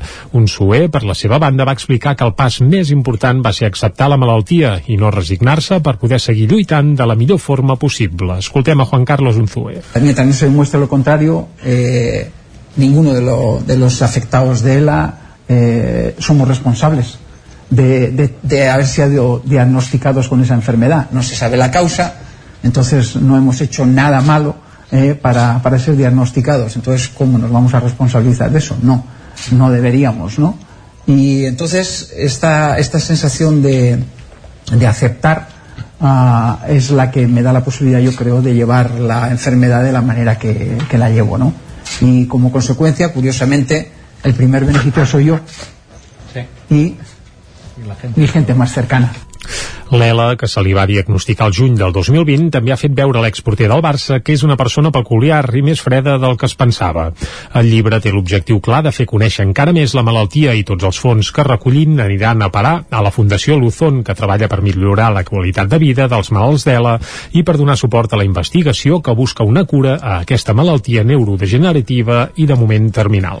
El 13 de març es farà la vintena edició de la popular Caminada de Caldes, organitzada pels Amics del Sender i amb la col·laboració de l'Ajuntament de Caldes de Montbui. Caral Campàs, des d'Ona Codinenca. La prova s'enfilarà enguany fins la Serra de Ferles per anar a trobar la capçalera de la Riera de Caldes i resseguir els entorns de les Elies amb les dues cases pairals i el gorg de les Elies. El recorregut es divideix després de l'esmorzar en dues opcions, al llarg de 18 quilòmetres i al curt de 14 quilòmetres i amb uns desnivells de 600 i 480 metres respectivament.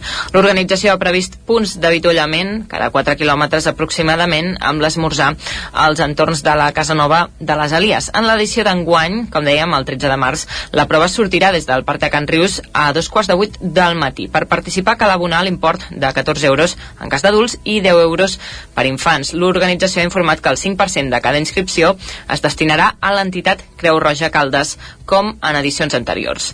Les persones interessades es poden inscriure abans del 9 de març a la seu del Centre Excursionista de Caldes o a través del web de Roneida. Perfecte, gràcies, Caral. Acabem aquí aquest repàs informatiu que començàvem a les 10 en companyia de Caral Campàs, Jordi Sunyer, Isaac Muntades i Núria Lázaro. Tot seguit al territori 17, moment de conèixer la previsió meteorològica.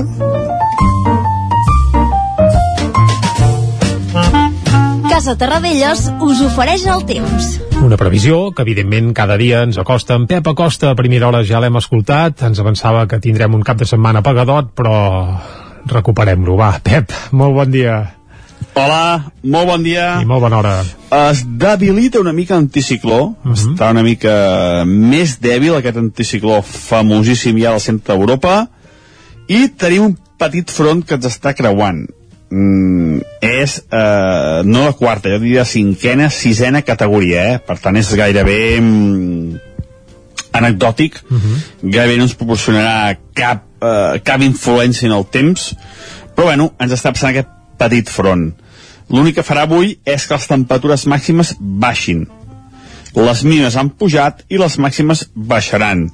Les màximes es bellugaran entre els 14 i els 17 graus aproximadament. Uh, per tant, aquest contrast tèrmic entre dia i la nit serà uh, menys accentuat. No hi haurà tant contrast tèrmic entre el dia i la nit. Uh, hi haurà mica de núvols, uh, no es descarten quatre gotes a la zona més elevades del Pirineu, però si es que a caure seran quatre gotes, molt, molt poca cosa. Això el dia d'avui, eh? Demà serà un dia molt semblant. També hi haurà forces núvols, petit front que ens creua, aquest petit front que ens creua, eh, no s'allunyarà del tot i deixarà una mica de núvols. Eh, el cel una mica tapat, no es descarten aquest cop quatre gotes a la zona prelitoral i de cara a diumenge eh, seguirà aquest temps bastant semblant, mm, bastant semblant aquest temps, un temps amb forces núvols, però gairebé cap precipitació, un temps molt, molt, molt normal, eh? un temps, eh, com diria, molt poc, amb molt pocs ingredients meteorològics, eh, molta, molta pausa meteorològica, com ens té acostumats aquests, aquest 2022. Eh, tampoc haurà lloc diumenge, per tant, anar molt de pressa, i resumint, el cap de setmana de Carnaval serà eh, bastant ennuvolat, no farà ja un sol de justícia com fa aquests últims dies, una mica ennuvolat, i una mica més fred, sobretot de dia. De dia serà una mica més fred, degut a que tenim una petita circulació de vents de nord i farà que les temperatures baixin una mica. Però poc contrast entre dia i la nit, per tant, amplitud tèrmica poc important i també vents febles. No bufarà cap vent destacat a cap població ni cap cim ni cap muntanya de les nostres comarques. I fins aquí l'espai del temps, que disfruteu del cap de setmana, que disfruteu del, del Carnaval, i eh, últim cap de setmana de febrer també, per ser que m'he deixat abans, eh, ben aviat març, i per tant la primavera que la tenim ja aquí a la cantonada. Moltes gràcies, fins a dilluns, adeu. Bon Vinga, cap de setmana. Dilluns més, va, a la primavera a la cantonada, eh? I tant. De moment un quart d'onze ja a la I cantonada. de març també. Sí. Va. Això sí. Va, anem cap a l'entrevista. Gràcies, Pep. Casa Tarradellas us ha ofert aquest espai. Territori 17. Envia'ns les teves notes de veu per WhatsApp al 646 079 023. 646 079 023. WhatsApp Territori 17.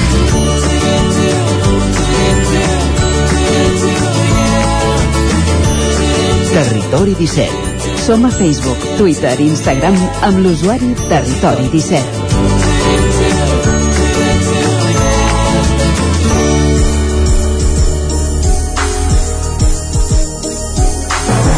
Ara fa unes setmanes va presentar a Ripoll un pla de reactivació socioeconòmica el de la comarca denomina, denominat Ripollès 30 i que, entre altres coses, pretén que la comarca pugui recuperar els 30.000 habitants que ja havia tingut entre la dècada dels anys 60 i 70 del segle passat. Per fer-ho ja té 30 projectes programats per aquests anys i ha detectat 20 mancances que té la comarca. El pla l'han dissenyat conjuntament l'Agència de Desenvolupament del Ripollès i la Unió Intersectorial i Empresarial del Ripollès amb la complicitat del Consell Comarcal del Ripollès i d'altres administracions. Isaac Muntades, des del veu de Sant Joan, bon dia. Bon dia, Isaac. Doncs sí, avui per parlar en detall d'aquest pla de reactivació socioeconòmica del Ripollès, que va néixer una mica també per pal·liar la crisi social i econòmica que se'n va derivar doncs, de la pandèmia de la Covid-19, tenim al telèfon el president del Consell Comarcal del Ripollès, Joaquim Colomer. Bon dia, Joaquim, i moltes gràcies per atendre'ns. Hola, molt bon dia, Isaac. Per començar, president, com, com s'ha finançat aquest pla? Perquè sabem que s'hi han abocat molts recursos i, a més a més, també està previst que, que se n'aconsegueixin més no?, al llarg del temps. D'on sortiran aquests recursos? Doncs bé, bàsicament aquest pla s'ha finançat amb el Fons de Cooperació de la Generalitat de Catalunya. Un fons de cooperació doncs, que han rebut tots i cadascun dels Consells Comarcals i Ajuntaments de Catalunya, amb la part proporcional doncs, que els hi pertoca d'alguna manera també eh, recordar que aquests eh, 817.000 euros que ens toquen aquí al Ripollès ja en vàrem rebre una primera part que estava, que eren aproximadament 130.000 euros que ja vam començar i que ja vam posar en circulació per poder actuar. Però també fer un petit incís i aprofitar per argumentar doncs, que aquests diners havien d'haver arribat a la comarca el mes de febrer del 2021 i van arribar al mes de desembre del 2021. Per tant, perdent un any pràcticament per poder actuar amb aquests diners. Uh -huh. l'embrió d'aquest pla eh, està a les taules sectorials de treballs que es van fer anteriorment, si no tenim mal entès. Eh, una mica qui va participar en aquestes taules i quin va ser el procés de, de treball, diguéssim? Doncs mira, com bé dius, eh, en aquestes taules, concretament aquestes 12, eh, van servir doncs, per convocar tots els sectors eh, de la comarca. Eh, sectors doncs, que es varen anar trobant en aquestes taules i varen poder anar a debatre entre ells eh, doncs, quines eren les necessitats i les mancances amb els seus sectors i per al Ripollès. I per tant, doncs, eh, jo crec que va ser una feina molt enriquidora. Eh, aquí doncs, hi van participar al voltant d'un 2% de la població del Ripollès, per tant vam superar els 250 participants en aquestes 12 taules i per tant doncs, eh, ens, ens mostren un reflexe molt clar del que vol doncs, la, la ciutat eh, o els ciutadans del Ripollès. Mm -hmm. Parlem una mica d'aquests eh, 30 projectes eh, que hi ha programats i definits perquè el Ripollès doncs, eh, pugui aconseguir aquesta xifra de 30.000 habitants i ser una comarca doncs, encara més atractiva eh, per viure i per exemple eh, per viure i evidentment hi ha d'haver habitatge en, en aquesta matèria que és un dels principals problemes que potser té la comarca què, què hi ha previst? Què, què et destacaries? Doncs mira, en aquest precís apartat doncs, tenim la idea de potenciar una oficina comarcal d'habitatge. Una oficina comarcal d'habitatge que ens pot servir, doncs, ha de ser una eina per tots els ajuntaments, però també per tots els habitants del Ripollès, per posar en, en, en solfa una mica doncs, tota la borsa de, de, de, de pisos, de cases i, i d'habitatges que tenim aquí al Ripollès, però no només per això, sinó per també canalitzar doncs, al màxim totes les ajudes i totes les subvencions que puguin arribar per posar al dia tot aquest parc. I per tant, doncs, amb això volem fer eh, o, o, o portar aquesta eina que sigui útil tant per administracions com per ciutadans del Ripollès. Uh -huh. En noves tecnologies, comerç, digitalització, teniu previstes algunes propostes, oi també? Sí, eh, noves tecnologies, doncs com bé heu dit abans, eh, aquest pla doncs és un pla que surt des del Consell Comarcal del Ripollès, però que sempre eh, nosaltres intentem que en faci, se'n faci partícip doncs, el màxim d'ens possibles. I aquí, doncs, amb la col·laboració de la Unió Intersectorial i Empresarial del Ripollès, doncs, ells ja tenen unes polítiques per eh, fer doncs, comerç i digitalització i per tant el que farem doncs, és apostar amb algunes d'aquests projectes que ja estan en marxa i posar-ne en marxa alguns de nous. Mhm. El turisme també és una de les claus. Què, què es farà en aquest apartat? Què, què seria el més destacat? Doncs en l'apartat de turisme el que pretenem doncs, és eh, ubicar una seu de turisme al Ripollès. És dir, eh, buscar un, un lloc, un edifici, que segurament posarem al dia, i, i aquí doncs reunirem tots els tècnics de turisme de la comarca. En aquest sentit, el que volem doncs, és unificar el turisme a la nostra comarca i, per tant, doncs, intentar consolidar aquest turisme a la nostra comarca. I no estar només pendents de quan tinguem doncs, feders, planes o programes així diversos, sinó doncs, dotar doncs, eh, d'unes places fixes perquè doncs, aquest turisme pugui tirar endavant i pugui ser punter eh, aquí a casa nostra i d'infraestructures, però abans voldria fer un, un incís eh, d'actualitat perquè ahir s'aprovava una moció al Parlament que apuntaria que el Ripollès finalment podrà votar en aquesta consulta sobre el futur de, dels Jocs Olímpics. Contents que això sigui així? Bé, jo, jo a hores d'ara ja no sé eh, si aquests jocs es faran o no es faran, eh, i, i crec que el govern en aquests moments tampoc no ho sap. Uh, la veritat és que s'hi estan donant moltes voltes, s'estan um, donant doncs, moltes opinions, però el que sí que és segur i està clar és que hores d'ara no hi ha un projecte clar de Jocs Olímpics Catalunya 2030. I per tant, el primer que hauria de fer el govern és tindre clara quin és el seu posicionament o quina és la seva idea per aquests Jocs Olímpics doncs 2030. I quan dic clar, vull dir eh, determinar les proves d'esquí on es faran, a la part de Cerdanya, a la part de l'Aran, o quina part? Les proves de gel que es faran a Barcelona o es faran a Puigcerdà? Uh, la, la, és dir, una proposta amb diferents proves. Això ens podria permetre als territoris doncs, després poder saber quin és el grau de magnitud que, que tenim i saber veure si estem a favor o en contra. Però el fet de tindre una votació, si no sabem el que estem votant i com ens implica, jo crec que és, és una, una, una posició difícil, perquè quina serà la pregunta i en base a què respondrem aquesta pregunta. Doncs ara mateix no ho sabem. Uh -huh. I després d'aquest apunt ara que, que comentàvem de, dels Jocs Olímpics de, de la candidatura als Jocs Olímpics 2030 tornem a aquest pla Ripollès 30 perquè també heu detectat que la, que la comarca té una sèrie de, de mancances n'hi ha dues que són molt clares com és l'envelliment de la població i també el tema de les infraestructures de transports no? com, com se solucionen? Què, què es preveu fer? Doncs bé, són dos temes eh, que, que van completament a part, l'envelliment de la població doncs, e-, és cert que tenim doncs, una comarca bastant envellida, mm, però no, ni més ni menys que tota la, la franja doncs, de Pirineus. Aquí doncs, és on creiem que el govern és on ens ha d'ajudar i ha de eh, recolzar les iniciatives per aquí a la nostra comarca. I això en què es tradueix? Doncs ara és aquest segon apartat. És dir, si nosaltres poguéssim eh, tindre els mateix, les mateixes oportunitats o els mateixos recursos doncs, que tenen els habitants d'àrea metropolitana o, o del radi o del perímetre de Barcelona, doncs segurament eh, tindríem doncs, molt més jovent visquent i treballant aquí a la nostra comarca, cosa que ens faria doncs, canviar i revertir aquesta situació. Perfecte. I pel que fa a infraestructures, eh, no sé, aspecte, eh, una cosa està clara, eh, el desdoblament de la línia de tren, això és clau, eh, ja veiem que s'hi van fent passos. Eh, no sé, altres infraestructures, per exemple, eh, la variant de, de Ripoll, la contempleu en aquest pla?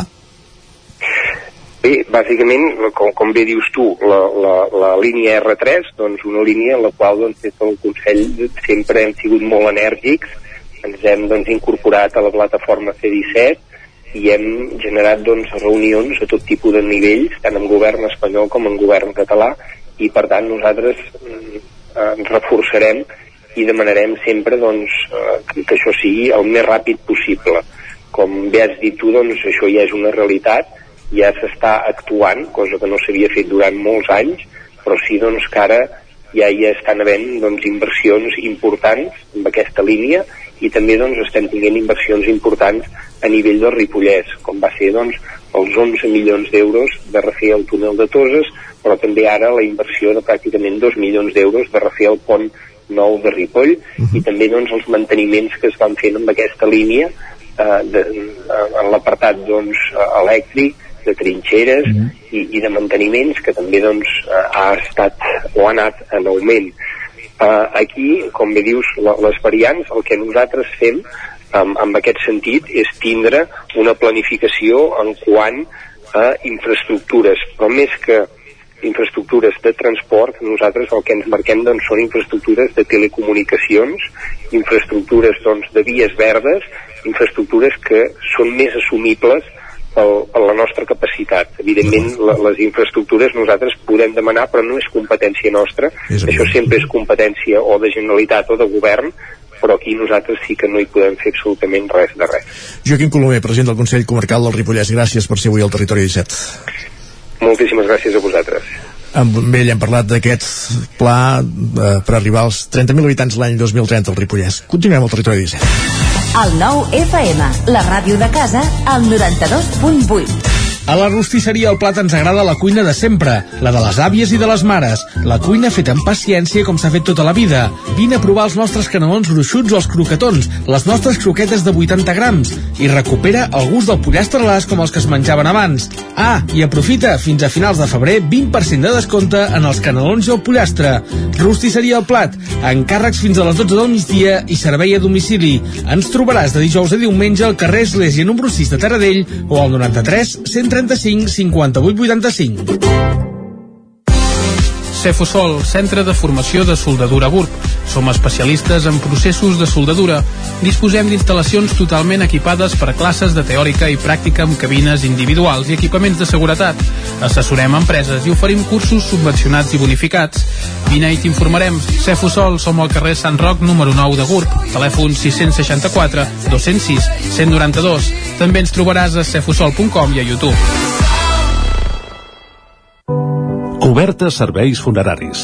Els nostres tanatoris estan ubicats en els nuclis urbans més poblats de la comarca d'Osona per oferir un millor servei. Tanatori de Vic, Tanatori de Manlleu, Tanatori de Centelles i Tanatori de Roda de Ter. Sabem que són moments difícils i per això el nostre compromís és atendre-us en tot moment amb un tracte humà, sensible i respectuós. Coberta serveis funeraris. Telèfon 24 hores 93 883 23 46.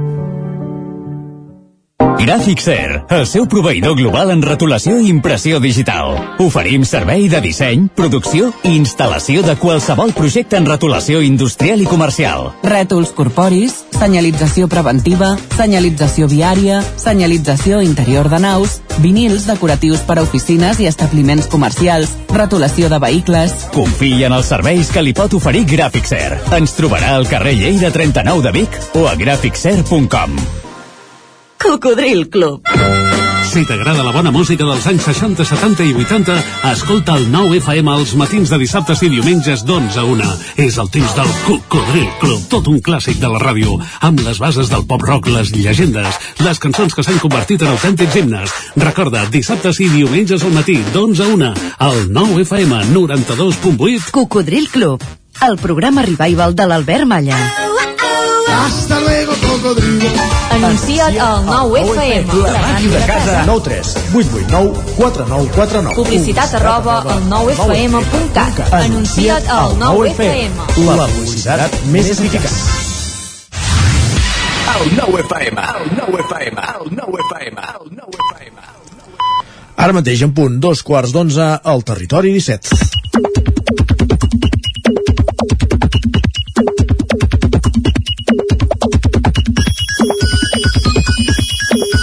I endevino que ja tens a l'estudi Jordi i en Guillem Sánchez. Home, ho has endevinat, eh, clar, ja ho veníem predicant des de les 9 del matí, per tant era fàcil, Guillem, salut i benvingut, I de fet, cada ho dia. endevino perquè tinc un vidre davant i a través del vidre Clar, també es veu que ja... sí.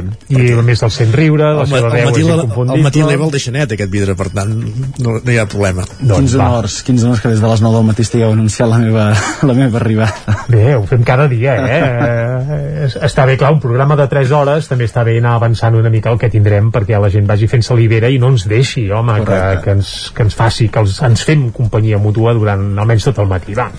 I ara sí, arriba el teu torn. Va, què ens portes avui? Pel que fa a piulades, no sé si n'hi ha alguna del Barça, que ahir almenys eh, amb un dia tan alguna. trasbalsat i tan, eh, anava a dir balístic i guerriller, està bé que almenys ens arribin alegries ni que sigui via, via futbol. N'hi ha algun al mig de la secció, per tant... Eh, Va, doncs ja hi arribarem, va. El que hem de començar avui és per tancar la setmana de Carnaval, com hem vingut fent tots aquests eh, O tancar, dies. tancar. Alguns encara no l'hem ni obert, eh? Però vaja. Bueno, però la Sí, sí, sí, és veritat. setmana grossa, que era aquesta fins que ens van dir que no... Eh, Sí, sí, amb el calendari, entre cometes, religiós als dits, la grossa és aquesta, va. Doncs va, en Joan ens escriu Veig que la paraula carnestoltes ha desaparegut misteriosament i ha estat substituïda per carnaval, la forma que als anys 70 ens deien que no havíem d'utilitzar perquè no era la correcta. Home, jo, totes dues uh, s'hi valen. jo he anat directament a l'Optimot a buscar realment el que ens diu la norma i diu les paraules carnaval i carnestoltes són equivalents quan es refereixen al període de caire festiu que precedeix la quaresma i en què són típiques les rues i les festes de disfresses. Diu, per anomenar el ninot que presideix la festa se sol parlar del rei carnestoltes. Per tant, Però, clar, jo, jo sempre he associat la diferència. Carnestoltes la festa, ai, Carnestoltes el personatge, Carnaval la festa, però vaja. això també havia llegit algun missatge, però segons la norma aquí Sí, ens diu sí, que... aquí sí, s'hi val una mica... S'hi val. Sí, s'hi val una mica tot. És que per Carnaval, per Carnaval tot s'hi val, tot tot s'hi val. val, ja està. És Doncs va, per, per avui i molts llocs avui és dia de disfresses, ens rec- recorden així, ens diu preparada per sortir a les festes del Carnaval del meu poble i veure tothom disfressat de personatges d'Eufòria, la Casa de Papel i de Wins. Jo Home, ara t'estic mirant i veig que tu vas disfressat de- d'entrenador de, de l'OAR, eh? amb mascareta corporativa i tal, no sé si això és disfressa o és que ha... No, aquest, mira, és la més còmoda, és la que no em fa mal Ah. a, les, a, les, a les orelles, aquesta. Val, fantàstic, fantàstic. Va, i si avui és dia de disfresses, vol dir que ahir era el moment de viure amb màxima plenitud el dijous llarder. En Marc ens ho recordava a primera hora, ens diu avui que és dijous gras aprofito per dir que em sap molt de greu per tots els que no heu tingut encara l'oportunitat de provar la meva truita vegana. Ens vam quedar amb les ganes doncs, de provar. Mm, clar, si no ens en porta, eh, ho tenim fotut. I en- Pot venir, eh, quan Sí. vulgui, eh, no pas de ser dijous gras, que ens la porti, i aquí a Territori 17 farem una cata i, I li farem a la veure crítica què. gastronòmica i tot. Tot i que si som vol. bastant més de carn, eh? també us ho diré. Però vaja. Sí, això també és cert, però, De però fet, si en un- està ben feta, escolta, tot baixa. De fet, en un dia tan assenyalat com el d'ahir, el menú era molt clar. Ens deien feliç dijous gras, com no podia ser d'altra manera, truita de patata i ceba, entrepà de botifarra d'ou i coca de llardons. Per tant, endavant. I aprofitant aquesta jornada tan especial, per la Marta eh, es va estrenar en dos àmbits una mica diferents. A veure si, si ho entenem. Diu, avui ha sigut dia de batejos. Diu, bateig d'escalada i tornarem al 100%. Diu, i la meva primera birra sencera. Sí, sí, ho heu llegit bé. No m'agradava la birra fins avui, que m'han obligat a acabar-la i he de dir Home, que ara ja, ja sabem què demanar. Eh, quina edat té? No ho posa. No ho posa. Però més de 18 segur. Home, no, no, és que aquí volia anar a parar, clar, escolta, eh, mai és tard per tastar una bona cervesa, però amb moderació sempre i, i això, amb cura. Doncs va, com que ho estàveu desitjant, també de, de, destacarem avui alguns missatges del partit d'ahir del Barça al camp Va. del, del Nàpols. Cal tant, recordar que el sorteig és avui a, les, avui a les 12, eh? Avui a les 12 Mhm. tenim sorteig de... És que són malxinats, ens ho contraprogramen. Quan acabem, fan el sorteig. No podrem avançar a qui serà el rival del Barça a la següent fase de l'Europa League. L'Andreu ens escrivia i diu el gol del Barça al contraatac m'ha fet agafar flato de la velocitat amb la que ho han fet de fet pocs ens esperàvem aquest eh, primer gol venint d'un corna de, de la- l'altre equip per tant jugada, jugada maca. En Pol tampoc s'ho acabava de creure i ens diu tres gols en 45 minuts, un gol de contraatac, un des de fora l'àrea i un de Gerard Piqué amb l'esquerra. No sé què està passant, però crec que algú ens ha, ens ha robat el nostre veritable Barça. Home, al contrari, no? Els gols que no van entrar la setmana passada van entrar ahir, senzillament és això. Sí, sí, i des de l'època de... Jo gairebé et diria que hi havia moments d'ahir que em recordava el Barça de Guardiola, eh? Imagina't, no, no, imagina't si hem d'anar enrere. I si el Barça guanya és més fàcil que passin aquestes coses, com la que ens escriu l'Anna, que diu és divendres de Carnaval, cinquè de primària, vas al col·le amb la samarreta del Barça i els professors et diuen quin partit ahir, eh? Ets feliç. Que bonic. És molt fàcil, és molt fàcil. I només per destacar una coseta, tot i les bones notícies de l'esport en si, cal destacar una mala notícia, una mala situació. No sé si vau poder veure el partit en, en directe vosaltres. Jo, fragments, sí. fragments. Jo sí. L'Isaac sí. Perquè ens recordàvem per Twitter, diu la transmissió televisiva de la UEFA amaga la pancarta que han mostrat els jugadors del Nàpols i Barça, un exemple més de la poca vergonya dels màxims dirigents del futbol, la pancarta que evidentment demanava Stop War, eh, parem, parem Això, jo, em va passar per alt perquè això vaig sentir-ho per la ràdio que havia passat, però en aquell moment encara no era davant de la televisió Doncs i vaig moment- pensar que per la tele s'havia vist Doncs també en aquell moment estaven donant les alineacions dels dos equips i no es va fer referència en cap moment a la, a la pancarta. Deixa'm dir que ja en tenim experiència d'aquests fets, perquè al camp del Barça, per exemple, a l'època que el procés estava en la seva màxima auge, a, la realització, a les realitzacions televisives, ni estelades, ni pancartes, ni res. D'això en saben un niu a l'hora de fer retransmissions. Sí, els, eh, Ens tentac- ensenyen el que volen. Els tentacles russos deuen arribar fins a, fins a altes bueno, esferes. els russos sí. i en aquest cas de vegades els espanyols però bé, eh, cadascú que interpreti el que vulgui però nosaltres ja ho hem dit Que vagi molt bé, doncs. Bon cap de setmana. Anem a repassar Moltes digitals, gràcies. gràcies Guillem Va, un cop d'ull al 99.cat abans de saludar en Miquel R, que també ja el tenim per aquí, per la taula de redacció. El 99.cat obre ara mateix en l'edició d'Osona i el Ripollès explicant que torna el Trofòrum presencial. Ens parlaràs d'això, Miquel? Doncs us en parlaré més tard, Va, Trofòrum. més tard, més tard. Eh, tinc un altre tema per la taula de redacció. Va, va, va. Torna el Trofòrum presencial. També el Parlament insta el govern a consensuar amb Berguedà, Solsonès i Ripollès la seva participació a la consulta dels Jocs. Això ho vam avançar ahir.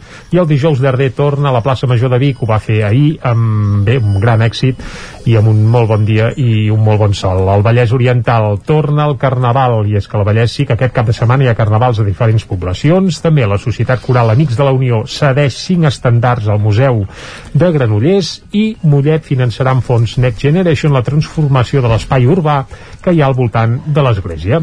Perfecte, i arribats a aquest punt anem cap a la taula de redacció.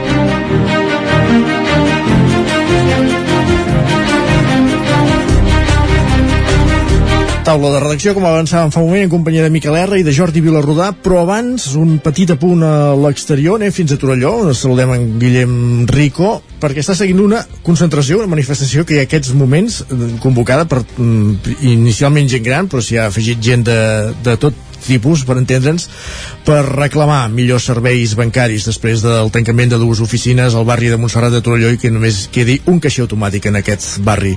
Guillem Rico, bon dia. Explica'ns una mica com estan en aquesta concentració. Hem vist imatges amb molta gent i una mica quin és, quina està l'evolució. Calculem que hi ha cap a 200 persones aproximadament eh, s'han concentrat aquí a la placeta d'en Pujol eh, que, és, eh, que és un punt de Torelló on hi queden dues oficines bancàries, una del BBVA i una de, de CaixaBank i llavors el que han fet és explicar una mica la situació la convocatòria deia eh, que això, que, que els bancs ens han abandonat però seguim pagant, no? criticaven una mica que se senten despreciats i desatesos eh, pels bancs i llavors d'aquí aquesta convocatòria que ve arran del tancament d'unes oficines bancàries al barri de Montserrat on sí que CaixaBank ha deixat un caixer això va ser el setembre, el BBVA només hi ha, no, no hi ha deixat res i llavors el que critiquen una mica és això, no? que no se'ls doni aquest, aquest servei eh, perquè diuen que sobretot les persones grans també és veritat que hi ha altres col·lectius que, que no tenen tant accés a les noves tecnologies o que els és més difícil això, fer les gestions a través de, de la banca telemàtica o a través dels caixers automàtics i llavors eh, el que fan és protestar una mica contra això eh, han llegit eh, una, la carta que, que ara els estan lliurant els directors de les oficines bancàries eh, que són de fet les úniques que hi ha aquí a Torelló, han entrat primer a CaixaBank i després al BBVA, ara són el, el BBVA i això, després d'explicar-ho, aplaudiments, etc.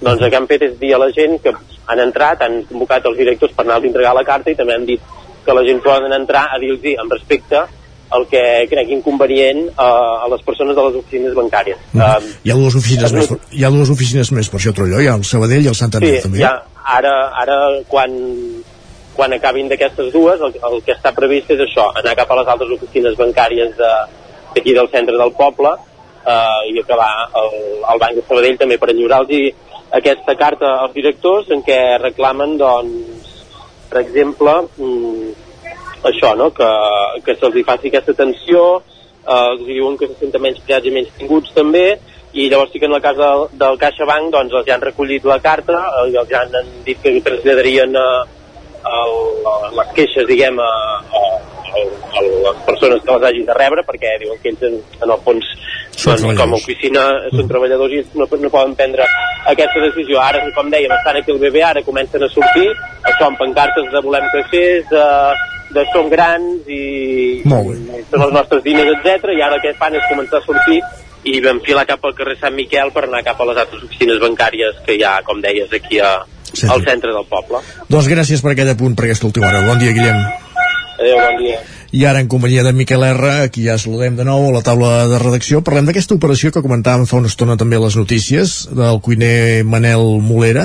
Una mica eh, ha seguit, va ser dimecres a la presentació de, dels resultats d'aquesta nova tècnica quirúrgica que, que li han aplicat, diguéssim. Correcte. Diguéssim que tenim un, un usonenc com a protagonista indirecte d'aquesta estrena, no? aquesta estrena que ens van, ens van presentar des de la Fundació Puigverd de Barcelona com una fita històrica, també en el camp de la, de la cirurgia robòtica, de la qual eh, aquesta institució ja va ser pionera, ja va ser el primer que va incorporar un robot quirúrgic l'any 2005, ara incorporat ara eh, una, una nova, un, un nou robot d'última generació, es diu Hugo, eh, de, la, de, la de la multinacional Medtronic i tenim el, que el manlleuenc Manel Molera doncs va ser un dels dos primers que, que va ser operat amb, amb aquesta nova tècnica quirúrgica, amb aquest nou aparell. Va ser el, el passat 14 de febrer eh, amb èxit eh, per tant sembla que, que sí que, que, que és una eina que el que, que el que es tracta ara és d'intentar universalitzar-la perquè són processos sempre cars. Recordem que és una, és una entitat de gestió privada però de servei públic per tant es té concert amb amb la sanitat pública i per tant tota la intervenció va, va, va venir diguéssim sufragada per, a, a nivell públic. Um, hem de recordar també eh, malauradament el protagonista de la història aquesta té un historial mèdic eh, diguéssim llarg ja, havíem explicat a les pàgines del 9-9 també aquesta distròfia muscular que arrossega des de fa anys que ja el va obligar diguéssim a, a jubilar-se abans d'hora com a cuiner eh, del, del, Torres Petit i de l'Hotel Torres.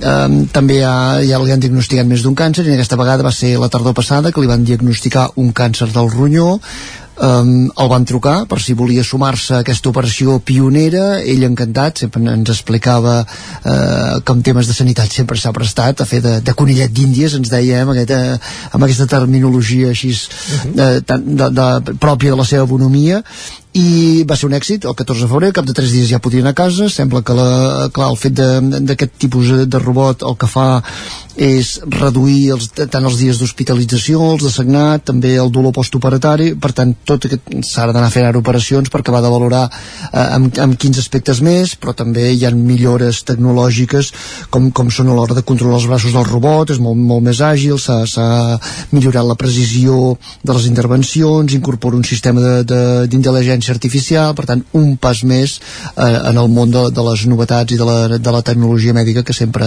és de celebrar. Perfecte, doncs moltíssimes gràcies Miquel per ampliar-nos aquesta informació. Continuem a la taula de reacció i com dèiem acompanyar d'en Jordi Vilarrodà per ampliar-nos també una qüestió que ja ens avançaves dimecres quan repassàvem l'agenda que és l'estrena de la Camerata de Música Catalana que fa aquest cap de setmana a Vic sí. amb un usonenc implicat, amb Jofre Bardolet. Efectivament, ell és el promotor de fet, aquest jove músic i que ara està estudiant direcció a l'Escola Superior de Música de Catalunya, està acabant els estudis de fet, Uh, i, i ell s'ha proposat una cosa, s'ha proposat crear una formació, que en aquest cas és una formació de cambra, de corda, de músics de corda, una vintena de músics aproximadament, que Eh, doni un paper preponderant als compositors catalans, els nostres clàssics, perquè què passa? Que nosaltres mateixos no coneixem els nostres compositors clàssics, els nostres eh, referents que haurien de ser d'alguna manera, no? Eh, eh, per això, per exemple, en el programa del primer concert que faran mm, demà, dissabte, a l'Auditori a Barcelona i el diumenge al migdia aquí a l'Atlàntida posen una composició d'en Juli Garreta amb una de Tchaikovsky. Mm, eren contemporanis, però què passa? Tchaikovsky més o menys el coneix tothom qui és una mica aficionat a la música clàssica i fins i tot els que no ho són, i en canvi Garreta, com molt es pensarà que només és un compositor de sardanes, que ho era també, però que a més a més va ser un gran compositor de peces clàssic, clàssiques, per entendre, diem clàssiques d'aquesta música, eh, diguem, en aquest cas, doncs serà eh, la peça que s'interpretarà és una que es diu imp Impressions. Eh, doncs bé, la finalitat d'aquesta camarata de música catalana, que l'integren músics molt joves, és aquesta, anar fent repertori de compositors catalans que potser coneixem poc, posant-los al costat d'algun altre compositor contemporani, diguets que, eh, esclar, els coneixem molt més. Què diuen, Jofre? Doncs que, per exemple, la música d'aquests autors catalans no està gaire disponible, no està editada, no està transcrita, que quan la vols interpretar no trobes les partitures, que s'han de fer una recerca i, a més a més, una transcripció, a vegades, eh, que, que, per tant, no està gaire a l'abast.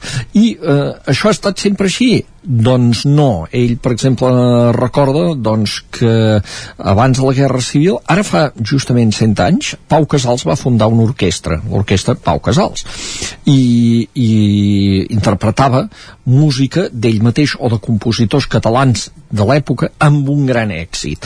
Mm, després ve un moment doncs, que la Guerra Civil trenca el fil d'aquesta com de tantes altres coses. Molts compositors catalans s'han d'exiliar o bé com el mateix Pau Casals, per exemple eh, i, i es trenca aquest fil i, i, eh, i en canvi diu mirem un programa del que feia l'orquestra en Pau Casals fa 100 anys interpretava compositors catalans. Enric Morera, Juli Garreta, Eduard Toldrà Robert Gerard, Joan Lamot de Grignon etc etc etc hi havia molts compositors però no els coneixem. Doncs per això neix aquesta camarata que, és clar com que són músics joves, que molts estan en període de formació encara, doncs haurà d'anar fent els assajos una mica quan pugui fer no, no es poden trobar cada setmana a més molts d'ells també fan algun estudi o faran algun estudi a l'estranger però sí que les, la intenció que tenen és fer dos mm, dues estrenes l'any, dos, dos programes de concerts l'any. Aquest, per exemple, ara, i un altre que faran a l'estiu, que ja tenen una peça pensada de l'Eduard Ultrà.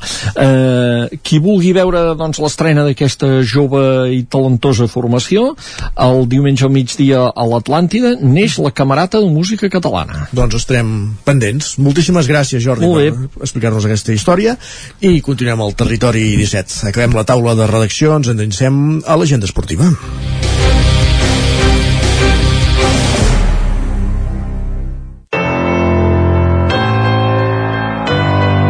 Territori, Territori 17. 17.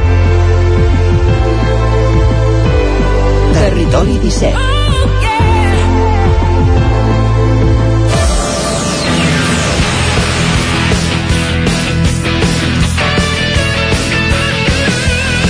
Tres quarts i dos minuts i mig d'onze del matí al territori 17 parlem ara d'esports. Anem a conèixer quins són els compromisos dels principals equips de les nostres comarques aquest cap de setmana. I comencem aquest recorregut als estudis de Ràdio Televisió Cardedeu amb l'Òscar Muñoz. Doncs comencem el repàs esportiu de cap de setmana, un repàs més breu, ja que no tots els partits eh, es juguen degut a aquest carnestoltes. Comencem amb el primer equip del Cardedeu, per exemple, que aquest cap de setmana no juga, jugarà la setmana que ve contra l'Argentona. Igual ho farà el filial, que jugarà setmana que ve contra el Vilanova del Vallès, i el Llinàs, també situat a tercera catalana, jugarà setmana que ve contra el Palau Tordera.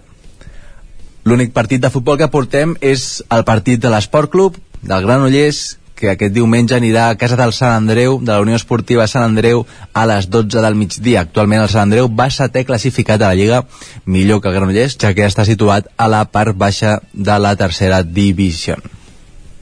Anem amb l'handbol, aquí cada veu, que aquest cap de setmana sí que tenim handbol, ja que eh, porten moltes setmanes sense poder jugar, doncs ara que hi ha festa en teoria, doncs els equips d'handbol aprofiten per fer aquests partits endarrerits. Comencem amb l'handbol masculí, el jugarà a casa el sènior contra el club handbol Bordils demà a les 7 de la tarda al pavelló municipal de Cardedeu.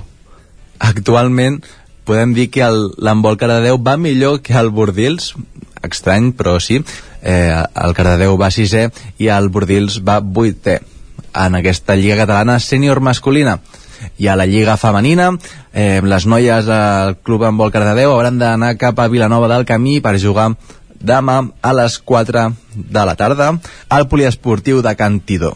En aquest cas no podem dir el mateix, el, les noies van setenes de la Lliga i el club eh, Vilanova del Camí van cinquenes. I acabem amb l'embol a Granollers, també tenim embol. El Franklin Granollers jugarà contra el Frigoríficos del Morrazo, Club Balonmano Cangas, demà a les 12 del migdia al Palau d'Esports de Granollers. Partit força interessant a la Lliga Sobal, ja que jugaran tercers contra cinquens. I acabem amb les noies amb el CAC 7 Balonmano Granollers. Aquest cop els hi toca jugar fora, aniran al Baracaldo demà mateix a dos quarts de vuit de la tarda al Polideportivo Lazarete. També partit interessant, ja que les noies del CAC 7 van a la vuitena posició de la Lliga, els hi queda un partit per, per jugar, però igualment van a mitja taula, i el Baracaldo van de buenas, així que també serà un enfrontament bastant interessant.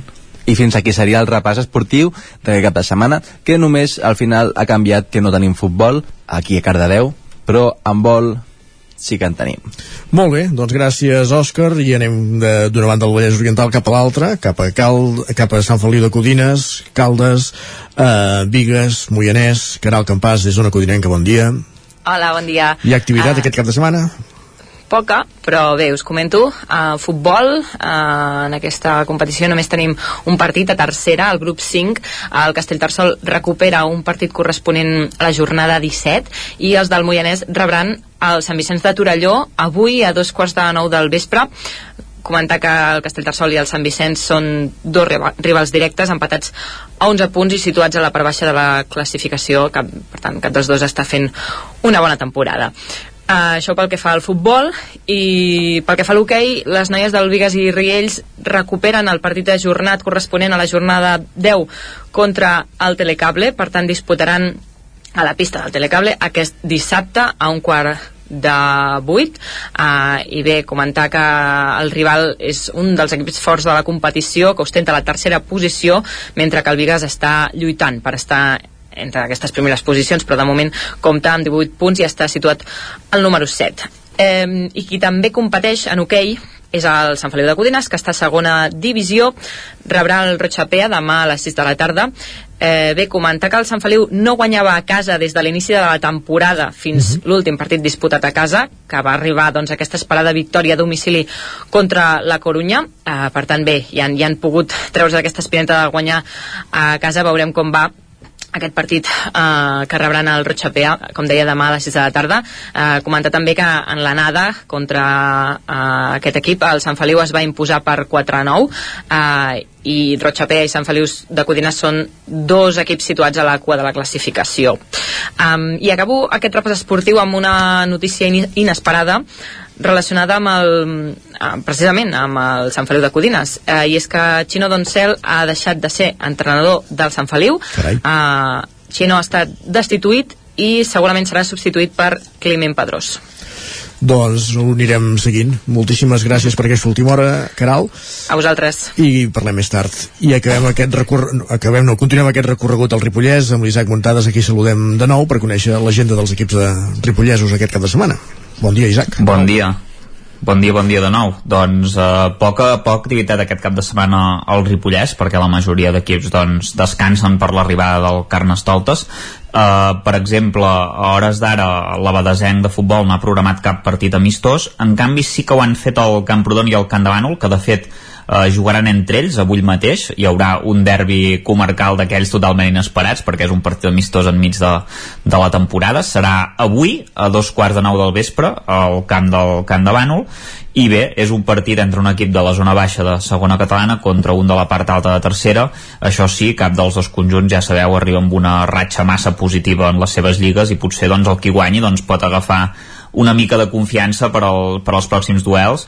Sobretot eh, el que ho necessita sobretot és el Camprodon que acumula 6 derrotes consecutives i 7 partits eh, sense guanyar. De fet només ha guanyat dos partits en tota la lliga. Per tant una temporada bastant dolenta del Camprodon tampoc està gaire millor el Camp de Bànol ara mateix que només ha guanyat dos de, dels últims set partits i n'ha empatat uh, tres, per tant és un equip que s'està mostrant molt irregular. Uh, això pel que fa al futbol que almenys sí que us podem parlar d'aquest amistós.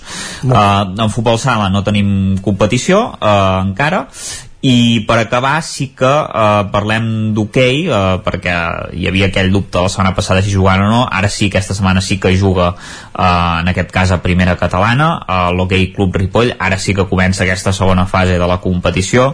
Aquest diumenge a les 6 de la tarda ja us ho vam avançar en aquest derbi del territori 17 contra el Caldes B per tant és un partit eh, complicat ja, ja d'entrada que, importantíssim eh, el Caldes comença aquesta segona fase amb, amb 10 punts mentre que el Ripoll ho fa amb 6 eh, a la sisena posició de, de 8 equips i, i ha de guanyar tots els partits que hi ha pràcticament, eh? perquè eh, una derrota pràcticament ja el deixa sense possibilitat de lluitar per, per l'ascens perquè hi ha un parell d'equips que han sumat molts punts per aquesta segona fase i en canvi el Ripoll doncs no, no ho ha aconseguit. Uh, us explicarem a veure si comença amb bon peu o no uh, el dilluns. Amb bon peu i amb bon patí.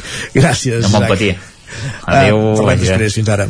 I acabem aquest recorregut als estudis del 9FM a Vic, avui en companyia de Jordi Sunyer. Eh, bon dia de nou. Doncs molt bon dia altra vegada, i aquest cap de setmana ja alertem que ve marcat pel Carnaval, eh? com que els calendaris sí. es decideixen molt abans, eh, bé, fa mesos, doncs... Eh, Tampoc hi ha activitat a Osona? Bé, hi ha alguna cosa, però minsa, minsa. Doncs va, som -hi. Va, expliquem que, per exemple, el futbol a primera catalana fan vacances, és Carnaval, però en canvi en hoquei sí que hi ha una mica d'activitat. Hoquei Lliga, per exemple, el Voltregà visita la pista de l'Alcobendas. Serà dissabte a les 6 de la tarda i el Voltregà, que ara mateix ocupa bé, és quart per la cua, recordem que els dos últims baixen directe, uh, en canvi els dos, el tercer i el quart començant per la cua, doncs farien una promoció de descens. Doncs el Voltregà, si vol sortir d'aquesta quarta pista que l'obligaria a fer el play-off pel descens, hauria de superar l'Alcobendas, que més és un rival directe a la part baixa. Uh, aquest és l'únic partit d'hoquei Lliga masculina. D'hoquei Lliga femenina també tenim un partit, el Manlleu jugarà dimarts a la seva pista amb el Telecable i el Voltregà Motor rep dissabte el Vilassana. Aquest partit serà dissabte a dos quarts de sis de la tarda i el Vilassana, bé, és el segon equip eh, millor de la Lliga i aquest any està sorprenent però clar, si mirem a les seves files doncs eh, veurem que hi ha bastant accent usonenc i aquest és un dels secrets de la bona temporada que està fent el Vilassalna aquest any. De fet ja fa algunes temporades eh, que, que va aixecant el dit i sí. suposo que ara aquesta I, temporada comença a consolidar-se. Clar, van fitxar Laura, Laura Barcons, exjugadora del Manlleu i també del Voltregà, ara està a les files del Vilassana i està fent una gran temporada, doncs això, eh, Laura Barcons torna a Sant Hipòlit, serà dissabte a partir de dos quarts de sis de la tarda a l'hoquei Lliga Femenina. Seguim amb hoquei, anem ara a l'hoquei Lliga Plata, que seria la segona divisió de l'hoquei estatal, i aquí sí que hi ha jornada de Lliga amb el Taradell i el Vic. El Taradell, que està a la part alta, doncs dissabte a les 6 de la tarda rep el Ribes les Lagunes. Si guanya, doncs pot continuar empaitant el Vilafranca, que és qui ara encapçala uh, l'hoquei Lliga Plata en la seva divisió sud. El Vic, en canvi, està a la part mitja, bé, allò no patint gaire, però clar, si comença a guanyar també es podria costar la part alta, si bada doncs es podria costar la part baixa. Molt i en aquest cas, sí, està tot molt, molt juntet, en aquest cas el Vic el qui rebrà és a l'Olot i serà dissabte a dos quarts de vuit del vespre a l'Olímpic de Vic. Un derbi amb nom de carretera, eh? Vic-Olot, molt bé. Sí, bé, o, o vés a saber què va ser primer. Bé, va ser primer uh, el Vic i l'Olot d'hoquei que no pas la carretera, en aquest cas a Bracons, no, eh, que sí, té però, 10 anys pelats jugar junts en la mateixa categoria no, eh? Per això, Clar, això, el, el que ha estat sempre l'hoquei Lliga i l'Olot no sé si l'hi han vist mai, però vaja. Mm, jo crec que no, eh? Mm, ara ara hauríem de gratar una mica, però no em sona pas que hi hagi sigut mai. Uh -huh. I acabem parlant de tennis, i és que aquest cap de setmana a Torelló es disputa, bé, comença el torneig internacional del Club Tenis Torelló, que es disputarà fins al 6 de març i participaran jugadors de tot el món a partir del 400 del rànquing ATP, per tant, tenis d'alta volada, en aquest cas a Torelló, el torneig ITF Men's World Tennis Tour International, posen un nom així en anglès que muda més, i això es disputarà doncs, des d'aquest diumenge i fins al proper 6 de març a Torelló. Se sap si Djokovic li deixen ser en aquest o, o, o tampoc? No, perquè clar, uh, està, no és a partir del 400 del rànquing ATP, sinó que Djokovic està bastant més endavant i per tant no pot anar a Torelló. Oh. Llàstima. Sí, seria divertit veure... Ah, a partir dels 400 enrere. Clar, dels 400 enrere, sí, sí, sí. 400 endavant. No, no, no, no, no, no, clar, clar, clar, estem parlant d'un torneig important d'àmbit internacional, que hi haurà jugadors d'arreu del món, però sempre partint de la premissa que han d'ocupar places més enllà del 400 del rànquing. ATP. Acabem amb un apunt, Nabri, que no sé si és d'esports o de què és, però ho hem de dir, és que Joan Laporta serà aquest cap de setmana a Vic, sí. i dius què hi farà Joan Laporta Home, ens ho va avançar el director del Trufòrum dimecres a l'entrevista. Exacte. Que li donen un, ara no, no recordo exactament el, el reconeixement, la tòfona d'or, em penso. Sí, és una espècie d'invent uh, per promocionar la tòfona arreu del món i clar, qui millor que Joan Laporta, que és segurament un dels catalans més coneguts ara a nivell internacional com a president del Barça que és, doncs dissabte al migdia rebrà la Tòfona d'Or, que és un guardó que s'otorgarà al Trufòrum amb principi anualment doncs a figures que... Però de fet que bé, ja, ja l'ha atorgat Sí, han atorgat algun, però ara més i Joan Laporta el rebrà aquest dissabte al migdia demà al Sucre de Vic.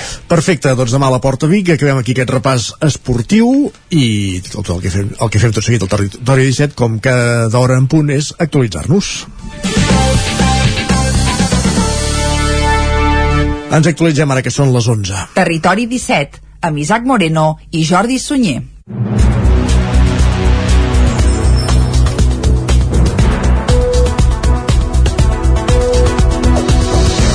Per explicar-vos aquesta hora que Darina Cert és una noia ucraïnesa que fa diverses estades a Torelló amb el programa de l'entitat Osona amb els nens impulsat arran de la tragèdia de Txernòbil. Ahir vam parlar amb ella per saber de primera mà com viu la població ucraïnesa l'atac de la Rússia de Putin. Darina Cert va fer la primera estada a Torelló fa 24 anys i des de llavors sempre ha mantingut la relació amb la família que la va acollir. Ahir a la matinada, alertada per una trucada del seu germà dels atacs de l'exèrcit rus, va abandonar el seu apartament a la capital d'Ucraïna, Kiev, on sembla que ara mateix ja han començat a entrar precisament tancs de les tropes russes i se'n va anar amb el seu fill que ara té 12 anys a una casa de la família situada a una hora de la ciutat. Encara amb connexió a internet, però amb el temor de perdre-la en qualsevol moment, ens explicava la incredulitat, la incertesa i la por amb què estan vivint l'operació militar a gran escala que ha encetat Rússia. Escoltem el testimoni de Darina Cert. El meu germà m'ha trucat i diu que els russos uh, ataquen uh, la capital i moltes aeroports i bases uh, militars i diu agafa coses i marxa de casa cap a casa de pagès que tenim una mica més fora de capital. I llavors uh, vaig agafar meu fill uh, cap a cotxe i en una hora he arribat a casa de pagès. Estic aquí i ara ja he sentit les notícies que uh, on està el meu apartament ja era un atac, perquè acostat allà tenim un aeroport, ningú no ha pogut esperar o imaginar aquesta situació en el segle XXI al, al centre d'Europa. I, ostres, uh, tenim molta por, clar, i sobretot jo pateixo molt per el meu fill, uh, té 12 anys i clar, per ell és una experiència tan traumàtica uh, que ningú no té que viure això en, a la seva infància. Cert també explica que ha rebut trucades des de Torelló i Barcelona on hi té amics per oferir-li allotjament, però que ara mateix veu complicat poder sortir d'Ucraïna. Tots els meus amics uh, de Torelló i Barcelona tots uh, bueno, de d'altres països també, uh, que veniu, que esperem a casa i bueno, de moment no veig la possibilitat uh, que puc conduir fins a Polònia perquè el tot Ucraïna està sobre un atac i no sé si és possible, crec que no poder després, quan la, la situació és més clar, intentaré venir cap a Colònia uh, perquè ja vaig agafar tots els meus documents del meu fill, una maleta que tenia fa, no sé, uns quants dies al meu cotxe. Cert. Per si en cas tinc que marxar de meva casa i no tornar mai més, Cert, feia una crida també a la Unió Europea demanant-li suport per acabar amb aquesta guerra. Com dèiem, les tropes aquest matí abans, les tropes russes han entrat aquest matí a Kiev i ara també l'última alerta és que ja han ocupat l'illa de les Serps al sud d'Odessa. En fi, continua aquest conflicte bèl·lic, veurem l'evolució, eh, esgarrifa el testimoni que escoltàvem d'aquesta ucraïnesa amb vincles amb la comarca d'Osona. Més qüestions. Granollers rebrà 2,6 milions de fons Next Generation pel projecte de les baixes emissions. Són quatre actuacions sobre mobilitat sostenible i aposta per la qualitat de l'aire. Núria Lázaro, des de Ràdio Televisió Cardedeu. Granollers rebrà 2,6 milions d'euros pel projecte de baixes emissions. Ho ha anunciat el consistori aquest dimecres al vespre en una roda de premsa a l'Ajuntament.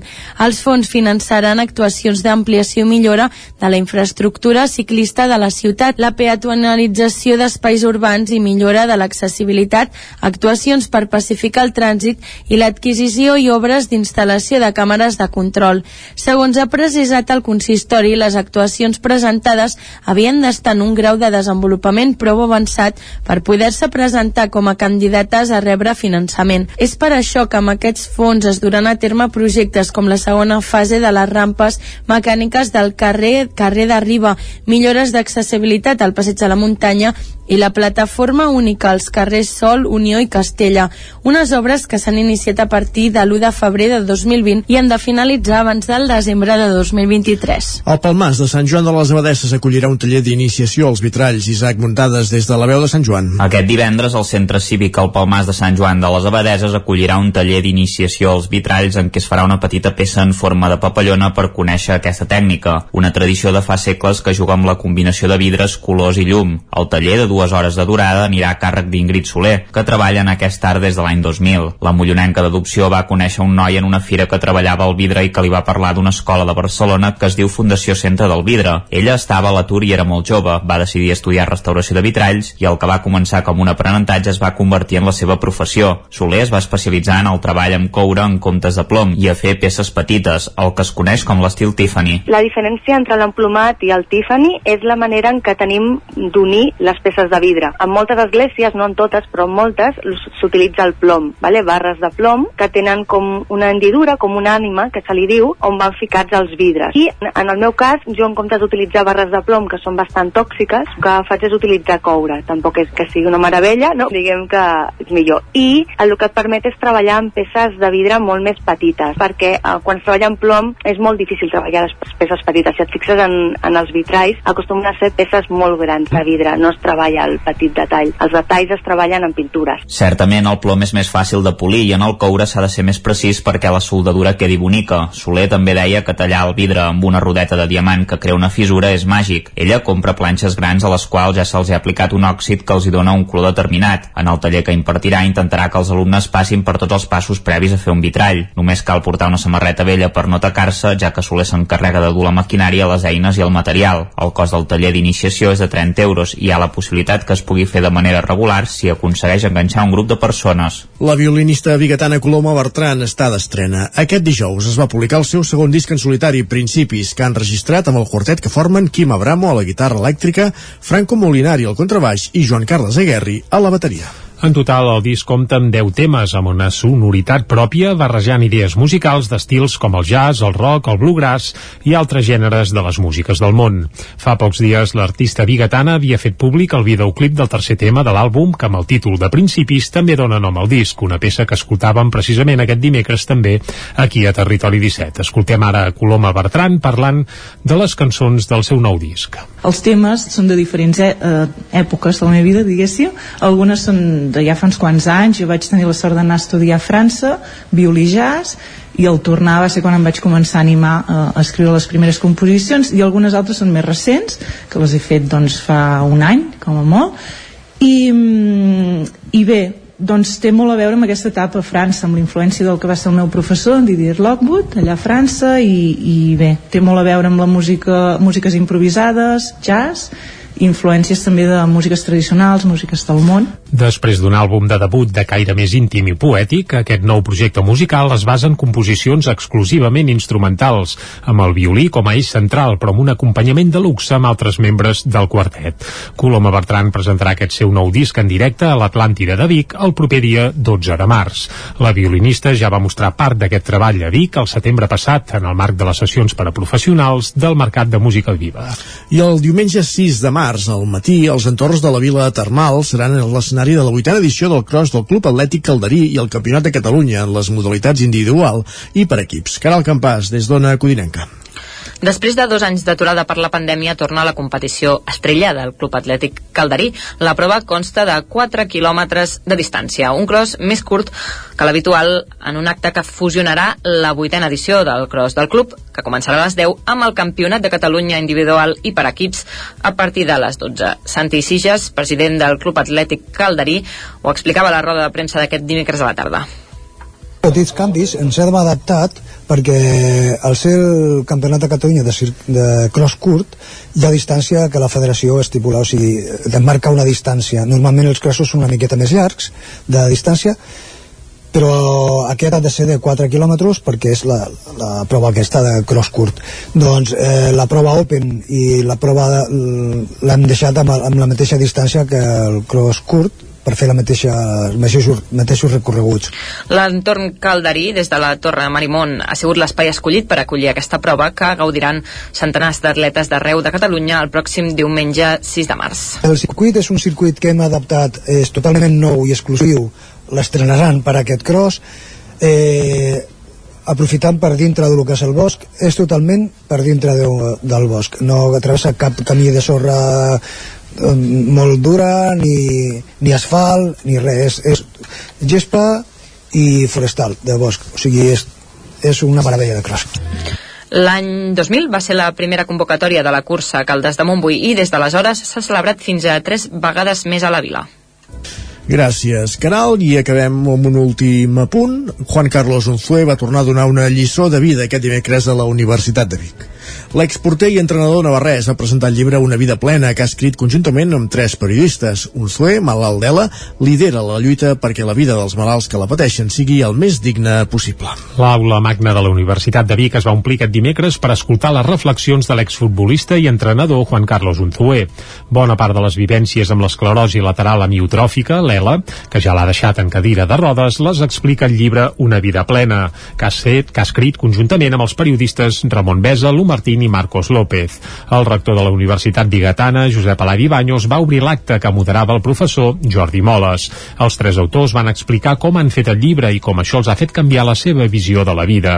Un Zué, per la seva banda, va explicar que el pas més important va ser acceptar la malaltia i no resignar-se per poder seguir lluitant de la millor forma possible. Escoltem a Juan Carlos Unzué.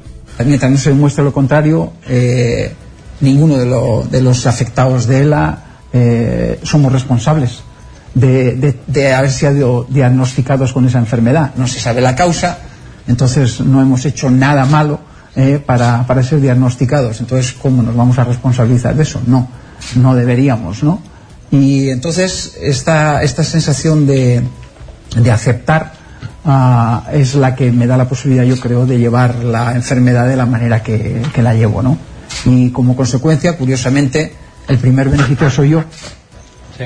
y, y la gente. mi gente más cercana. L'ELA, que se li va diagnosticar el juny del 2020, també ha fet veure a l'exporter del Barça que és una persona peculiar i més freda del que es pensava. El llibre té l'objectiu clar de fer conèixer encara més la malaltia i tots els fons que recullin aniran a parar a la Fundació Luzon, que treballa per millorar la qualitat de vida dels malalts d'ELA i per donar suport a la investigació que busca una cura a aquesta malaltia neurodegenerativa que de moment encara és terminal. I acabem aquí aquest repàs informatiu que començàvem a les 11 en companyia de Jordi Sunyer, Isaac Muntades, Caral Campàs i Núria Lázaro. Continua el Territori 17, moment ara d'endinsar-nos a l'ambient musical que ens acosta cada divendres Jaume Espuny.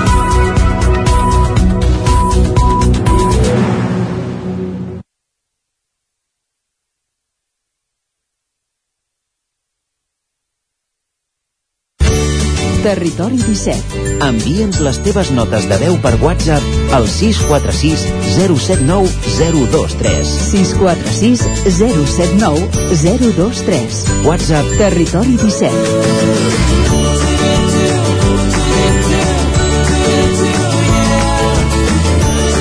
Territori 17. Som a Facebook, Twitter i Instagram amb l'usuari Territori 17.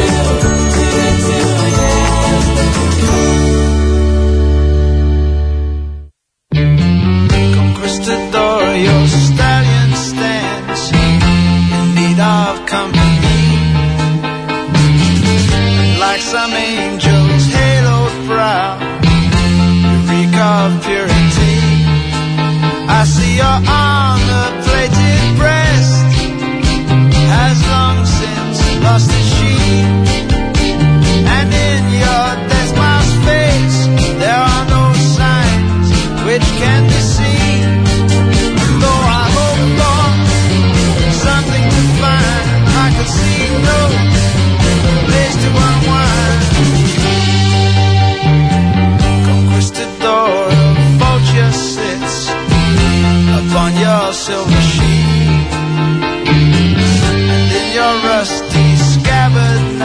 quart de 12 del matí, moment per la música al territori 17, moments pels clàssics musicals que cada divendres ens porten Jaume Espuny. Aquí ja saludem, el tenim a l'estudi. Bon dia, Jaume. Bon dia. Procol Harum ens portes Procol Harum, sí. Eh, aquesta veu que sentim, i el piano també, i la cançó està composta per ell, és de Gary Brooker, que va morir el cap de setmana passat. Carai. Uh, ja feia temps que tenia un càncer. És el, era el líder, el fundador de Procol Harum. Jo me'n recordo l'any 60, 67 60, un noi jove i ara ja tenia 76 anys. Feia temps que tenia que s'estava tractant per un càncer. Uh, els, els Procol Harum eh, van ser no sé si va ser el primer o més o menys eh, dels que van anomenar grup, grups de rock progressiu o mig sinfònic no? sí. eh, i aquest disc que portem és el primer eh, és del 1967 que es deia Procol Harum tal com com el grup. com el grup, això passa molt sovint. Eh, posa... la millor carta de presentació, sí, presentació doncs, posa tu, posem el nom que, que se'n recordin.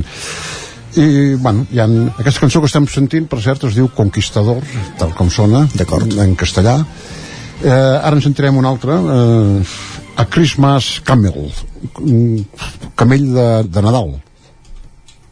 Doncs aquí ve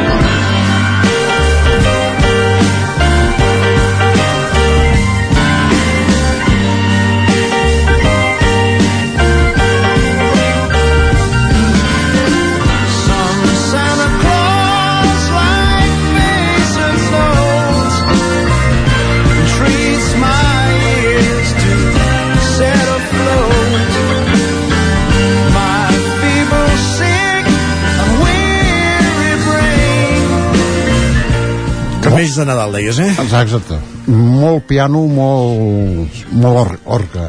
Uh, molt Hammond, no? Molt, sí, molt Hammond, que toca Matthew Fisher.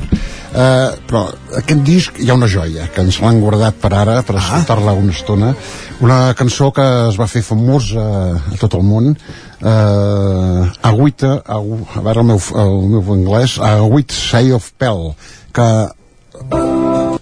Digues, digues. aquesta que en, van fer moltes versions en castellà els grups espanyols tots eh, con su blanca palidez deien no? Que i, bueno, va tenir un èxit de por. Eh, la música també com totes les, eh, excepte una tota, les, tota la música és de Gary Brooker el que, que va morir aquest cap de setmana. I que era un senyor que era un fan un, un fan de, de Johann Sebastian Bach. Ah. i ell i, i té un, aquesta cançó té una mica de sonoritat s'assembla una mica alguna cosa d'en Bach i fins que no, no fa gaire va, va, va reconèixer que s'havia basat en, un, en una cosa que no entenc gaire amb el, té alguns acords de l'àrea de la suite número 3 en sol menor de Bach Carai. I aquesta cançó eh, era ideal, jo me'n recordo que era molt jove, anar a la discoteca i quan tocaven aquesta cançó podíem ballar lent, agafats amb la, amb la noia Doncs va. eh, doncs va, sentim aquesta cançó que tothom més o menys eh, eh, deu haver sentit A ballar.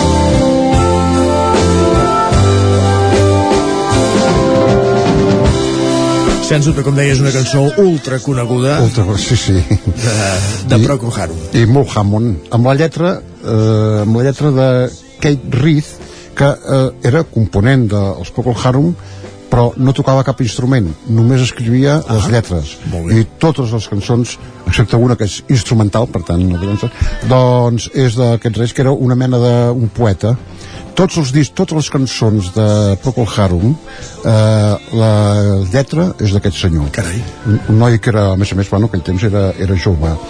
El... Tots ho hem set, un moment o sí, altre, exacte. la nostra vida. Uh, es van separar, van, van plegar l'any 1977, però van tornar el 1991, el 1991 fins ara, vull dir, Ah, ara han continuat actuant, no han gravat gaire res, han continuat actuant, per aquest grup hi han passat una trentena de músics mm. i sempre hi ha, uh, un ha durat tota, tota la història que és precisament en Gary Brooker una altra cosa que té curiós aquest, aquest disc és que no sé si t'has fixat amb els auriculars és, no és estèreo, és mono ah.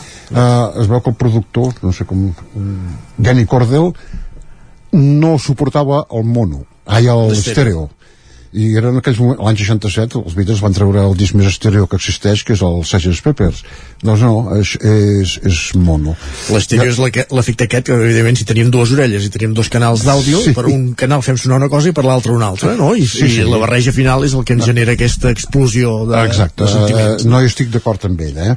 No hi estàs d'acord o sí? No, que no hi estic, no, no, m'agrada... Per tant, quan parlem d'una cosa mono és que per les dues orelles sentim exactament els El mateixos mateix, sons i al mateix nivell. Uh, eh, ara podem sentir una cançó, l'última, que és instrumental, i aquí ha, eh, és on es veu això del rock sinfònic o progressiu, com vulguis dir, uh, Repen Walpurgis.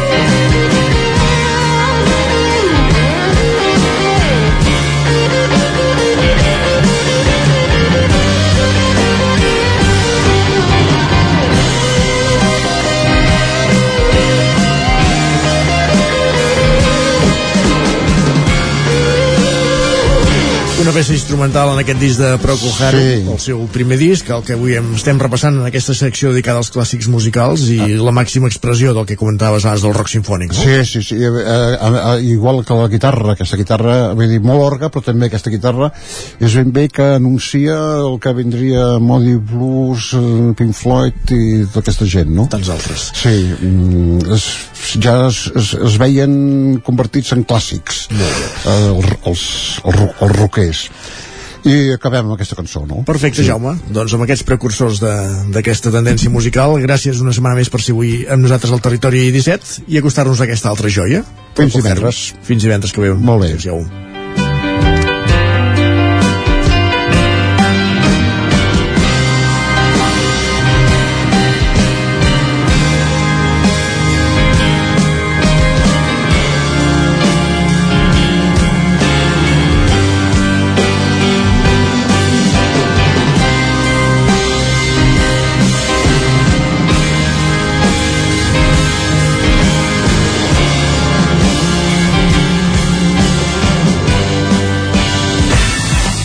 FM, la ràdio de casa, al 92.8. El nou FM, la ràdio de casa, al 92.8. Mmm, quan fa que no menges pluma ibèrica de Salamanca i xuletilles de lechal a la brasa amb una bona amanida? Oh, ¿y un chuletón de vedella gallega? ¿O lechazo de Castilla al forn? Ah, i botillo del Bierzo amb cachelos i col? Ei, i cochinillo a l'estil de Segovia, i tot acompanyat d'un bon celler. Oh, i uns bons serranitos de pollastre, de llom, d'hamburguesa, del que tu vulguis. Per menjar la millor cuina de lleó sense moure't de casa, vine a El Racó de León. Fem cuina tradicional lleonesa i de mercat. Vine amb la família, amb els amics, amb la parella o sol. T'encantarà. El racó de León. Som al carrer Torelló 35 de Vic. Reserves 93 889 1950. Tanquem els dimarts. El racó de León. Vine a tastar una cuina diferent. Cefusol, centre de formació de soldadura GURB. Som especialistes en processos de soldadura. Disposem d'instal·lacions totalment equipades per a classes de teòrica i pràctica amb cabines individuals i equipaments de seguretat. Assessorem empreses i oferim cursos subvencionats i bonificats. Vine i t'informarem. Cefusol, som al carrer Sant Roc número 9 de GURB. Telèfon 664 206 192. També ens trobaràs a cefusol.com i a YouTube. Coberta serveis funeraris. Els nostres tanatoris estan ubicats en els nuclis urbans més poblats de la comarca d'Osona per oferir un millor servei. Tanatori de Vic, Tanatori de Manlleu, Tanatori de Centelles i Tanatori de Roda de Ter. Sabem que són moments difícils i per això el nostre compromís és atendre-us en tot moment amb un tracte humà, sensible i respectuós. Coberta serveis funeraris. Telèfon 24 hores 93 883 23 46. Això és el que s'escolta al voltant d'una caldera saunia d'Oval. Tranquilitat i benestar, perquè gaudeix del millor manteniment del servei tècnic oficial per estar despreocupat. O el que vulgui. Informis a Oficiat Nord trucant al 938860040. Saunia d'Oval, sempre al seu costat. El 9-9 celebra aquest febrer el mes del digital. Festa subscriptor a l'edició digital a meitat de preu per només 49 amb 95 euros. Aprofita el descompte del mes del digital i tingues a l'abast tota la informació del 9-9. Truca al 93 889 49 49. Anuncia't al 9FM. La màquina de casa. 9 3 8 8 9 4 9 4 9. Publicitat arroba al 9FM.cat. Anuncia't al 9FM. La publicitat més eficaç.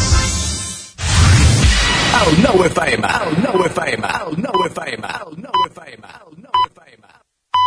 Territori 17. A Tren d'Alba. Cada dia els usuaris de la línia R3 de Rodalies que veuen sortir el sol des d'un vagó ens expliquen les gràcies i les penes del primer comboi que uneix Ripoll i Barcelona. Benvinguts a Tren d'Alba. Encara que no ens ho sembli pel pobre servei que ofereixen en alguns casos, Renfe ha viscut una transformació digital en els darrers anys. Renfe ha invertit 18,4 milions d'euros en la millora dels sistemes de comunicacions de 266 trens d'ample convencional de servei públic per a rodalies i mitjana distància. El termini d'execució de l'encàrrec és de 48 mesos. El sistema digital dual GSMR o Sistema Global de Comunicacions Mòbils per a Ferrocarrils de veu permet la comunicació contínua minimitzant les interferències entre els trens i els centres de control de trànsit. És el mateix que s'utilitza a l'alta velocitat i semblant al de la telefonia mòbil, però amb canals i protocols específics. S'usa en radiotelefonia per a la transmissió d'informació relativa a l'explotació ferroviària. Amb la instal·lació d'aquest sistema es fa un pas endavant en l'evolució i la digitalització millorant les prestacions del sistema analògic anterior, conegut com a tren terra, que és molt més restrictiu. Va, ens retrobem dilluns amb més històries del tren i de la R3.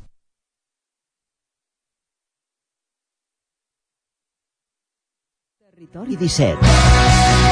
El 9 FM, la veu de Sant Joan, Ona Codinenca, Ràdio Cardedeu, Territori 17.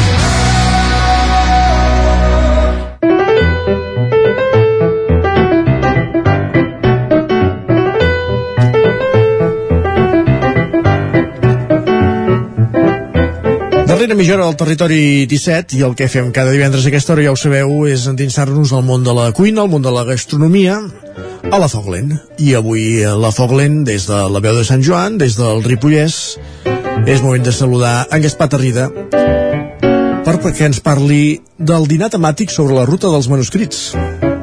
Ens deixarem sorprendre. Gaspar, bon dia. Som aquí a l'aula d'hostaleria del Ripollès una vegada més, avui per parlar d'un nou dinar temàtic. Tornem, després d'aquest parèntesis que ens ha obligat aquest eh, denuncis de pandèmia doncs tornem a proposar un dinar temàtic i llavors avui per parlar d'aquest dinar temàtic tenim com sempre en David Sangles professor especialista aquí a l'aula i tenim també en Francesc Morera i en Ramon Alau tots eh, quatre avui parlarem d'aquest dinar que n'hem dit la ruta dels manuscrits i que també cal dir que és un dinar que preparem en col·laboració amb l'associació Palimpsest que ens ha ajudat a documentar-nos històricament i molt. David, eh, digue'ns quins plats hem escollit per un menú d'aquest tipus doncs amb, amb tot l'equip de, de cuina i pastisseria de l'equip d'aquí, de, de, l'aula d'hostaleria hem fet un menú que, que tot i que sigui de la ruta dels manuscrits els noms ens poden, ens poden sonar i, i podrien ser del, del segle XX de la cuina catalana perfectament. El primer és un, un almadroc de, del Virgínia l'almadroc és aquesta espècie d'all i oli amb, amb formatge que avui en dia diverses formatgeries de Catalunya estan recuperant sense anar més lluny aquí a la formatgeria de Palau en, en, en tenen sovint Uh, el remojón granadino que, ostres, si teniu algun amic andalús a, a l'estiu és, és habitual a, a les cases encara avui en dia, eh? aquesta amanida amb, amb taronja i bacallà esqueixat uh, aquí, aquí en, el, en la documentació que ens ha arribat és cuit aquest bacallà. Tot i que jo sempre he menjat amb bacallà cru. Potser el, el, el, el tema de la salubritat alimentària de l'època en què va ser escrita la recepta no era la mateixa que avui en dia. Després tenim un, un guisat de, de mongetes blanques amb, amb, amb perdiu eh? al final. La, la caça era molt present a la, a la, cuina, a la cuina antiga. I un pollastre rostit amb figues no? eh, el pollastre rostit amb fruita seca és, és habitual mm -hmm. potser l'hem relegat no? en els dies de festa però tots el tenim a la, a la ment com a festa major, Nadal en aquestes dates assenyalades doncs un bon pollastre de pagès amb fruita, en aquest cas figues seques per l'època de, de l'any que estem doncs fa, fa festa mm -hmm. Clar que sí Escolta, totes aquestes receptes que venen d'una francès, que venen d'una recerca, o sigui, una recerca mm. que, que en els arxius i alhora també dins de bibliografia que ens transporta, doncs això, una època en la que parlem de, en què la cuina aquí, les diferents tradicions, jueva, eh, cristiana també musulmana, evidentment, doncs es tocaven, no? Per què n'hem dit la ruta de manuscrits? Bueno, perquè d'alguna manera eh, quan, quan, des d'aquí on som, quan aguitem la història acabem aguitant el monestir però el monestir no va néixer com un bolet el monestir era una baula de transmissió Mm-hmm. o sigui, pràcticament una part important de la gastronomia i de la cultura europea ens va venir des de Còrdoba Mm-hmm. ells són els que van traduir els clàssics grecs ens els van retornar, que es havia perdut amb l'època visigoda, etc etc. i els monestirs importants que en aquell moment, diguem Ripoll ho era, era molt i molt important eh, recollia aquesta informació que li venia del sud a les grans biblioteques de Còrdoba traduïen però quan venien els manuscrits també portaven en si les noves històries culinàries. O sigui, coses que aquí no es feien. O sigui, no es feien panades, no es feien escabetxos però els àrabs sí que en feien, no es feien embotits els àrabs ho feien.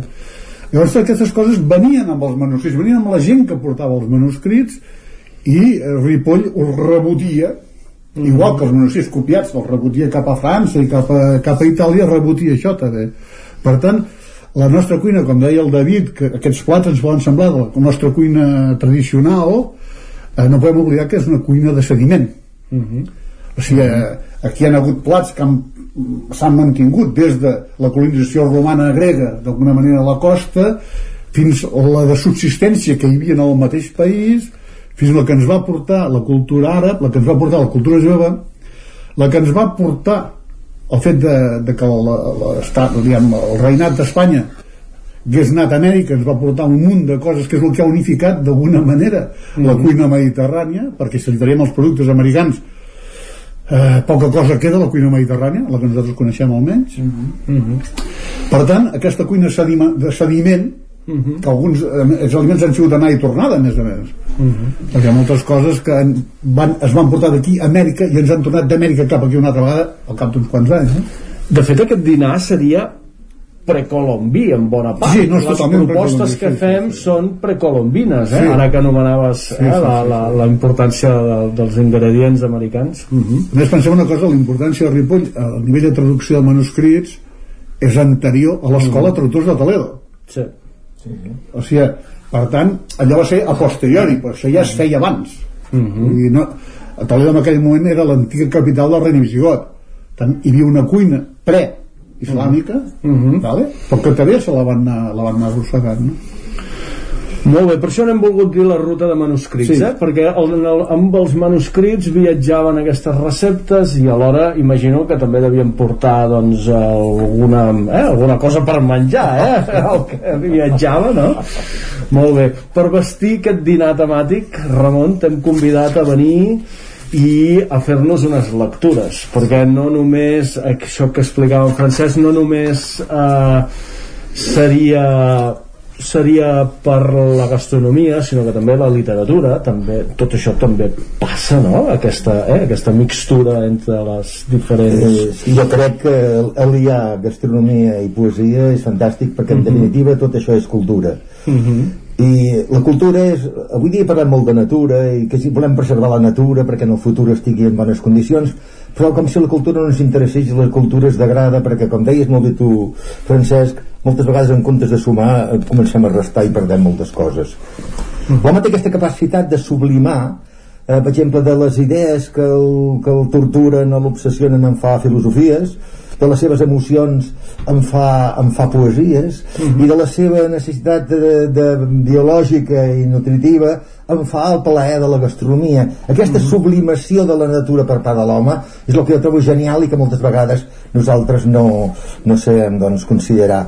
Deia Mariner, un, un francès eh, del 19 deia, de la història només m'interessen les anècdotes i és que si mires bé la història, que sempre escriuen els mateixos i per tant es tracta més aviat doncs, de reis i de, i de guerres i de coses d'aquestes no té res a amb aquella història que seria la intrahistòria, que és la de la gent la vida en definitiva. La vida Què que a mi m'interessa molt més l'altre i el menjar és una de les parts més integrants de, de la vida perquè precisament és a la taula on per un cantó eh, se satisfà una necessitat vital però l'altre també és on hi ha la vertebració social en definitiva a la taula. I per tant és una cosa eh, realment importantíssima. Per tant aleshores jo en aquestes sessions que, fa- aquesta sessió que farem doncs abans de degustar un plat doncs jo llegiré algun petit trosset de poesia potser perquè aquest clímax doncs que faci que ens sentim eh, viatgers a dins del temps i no oblidem les arrels que en definitiva són importants perquè en el fons eh, la gastronomia serveix perquè el nen s'integri a la família també i que un poble s'integri amb el seu passat Mhm. perquè és un legat que ens ve de molt enllà i que moltes vegades quan ens posem la, un menjar a la boca no, no sabem realment quina és la història que hi ha darrere això, la quantitat de gent que ha anat treballant abans al llarg dels anys Mhm. perquè en aquell moment que creguin aquella, aquella cuina um, sintètica que segons s'apila en un pilot de vivències de gent que han estat treballant per allò i aquell moment doncs, que aleshores la perfecció del, del, del cuiner t'arriba a donar a la teva boca i disfrutes plenament molt bé, molt bé jo aquí l'únic que vull afegir és que ara no, eh, amb els cuiners eh, els, els glorifiquem i volem saber la seva opinió política i sobre, sobre Sí. tots els temes però al final la cuina important és aquella que es dona a les cases perquè els restaurants eh, són, són modes però el que no podem perdre és, Exacte. és aquesta cuina domèstica de transmissió eh, familiar Sí. I, i les, tot tot canvia, però aquella llibreta de la iaia a la mare, aquella... No? Ca cada família construïa eh, el, el seu micromón de, de la taula. i vertebrava el gust de, de, de, de, dels fills o sigui, sí. allò era com una exercitació constant que feia doncs, que la gent aprengués a apreciar més, perquè és clar som, som, eh, són coses que s'han de tastar i exercitar de moltes vegades per anar captant aquella essència d'aquell plat que potser en una, en una primera experiència O aquelles et surt- feines potser feixu, que el, de petits potser semblaven feixugues però alhora no, de conversa amb els més grans, de desgranar pèsols, de desgranar faves, exacte. no? Aquestes coses que construïen el, el, la família i, i el... Això se'n deia educació. Sí, sí. Pensem que educació és una altra cosa, però que era això. I... Allò ens que em diu, quina és la millor truita que vas menjat? La de la meva mare. Era més bona que les altres? No. No. Però és la que des de petit has anat acostumant a que amb aquell tipus de gust, per tant, la cuina de les mares sempre està molt millor que la cuina de la companya, del no sé qui, del... etc. No? i sempre defen defensaré la taula com el lloc que les, les sobretaules el que després hi havia que cada vegada perdem més és importantíssim perquè aleshores després d'un bon àpat per exemple i si la gent està acollida al voltant d'una taula la gent es mira als ulls, la gent parla i potser la societat també seria molt més eh, agradable i amb menys problemes si ens aprenguéssim a parlar perquè o sigui, a la taula neix diguem-ne després el, el, la flor de la paraula no? Per això hem volgut celebrar aquest eh, dinar aquí a l'aula d'hostaleria, aquest dinar temàtic, el passat dimecres 23 de febrer, un dinar en el qual vam disfrutar de cuina sefardí, de cuina andalusí, també de cuina eh, medieval, molts dels quals, dels plats, doncs, encara són vigents avui dia. Moltes gràcies per venir, Ramon, Francesc, David, com sempre, i fins d'aquí quatre setmanes. Fins aviat. Fins aviat. Fins aleshores, gràcies Gaspar i algun dia ens afegirem també tot l'equip del programa en aquestes cuines, en aquests dinars temàtics. Ruta de manuscrits aquesta setmana al Territori 17 eh, en aquest espai a la Foc Lent que avui ens venia des de la veu de Sant Joan com dèiem Gaspar Tarrida. Recte final del Territori 17 anem a fer un recorregut per l'agenda del cap de setmana a les diferents comarques del nostre estimat Territori 17.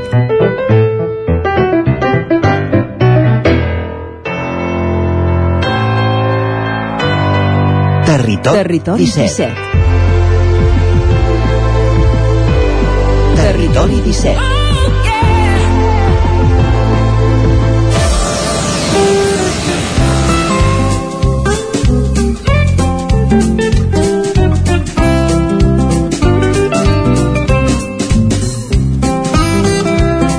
Un minut perquè siguin tres quarts de dotze i comencem aquest recorregut per conèixer l'agenda d'actes a les nostres comarques, als estudis de Ràdio Televisió Cardedeu amb l'Òscar Muñoz.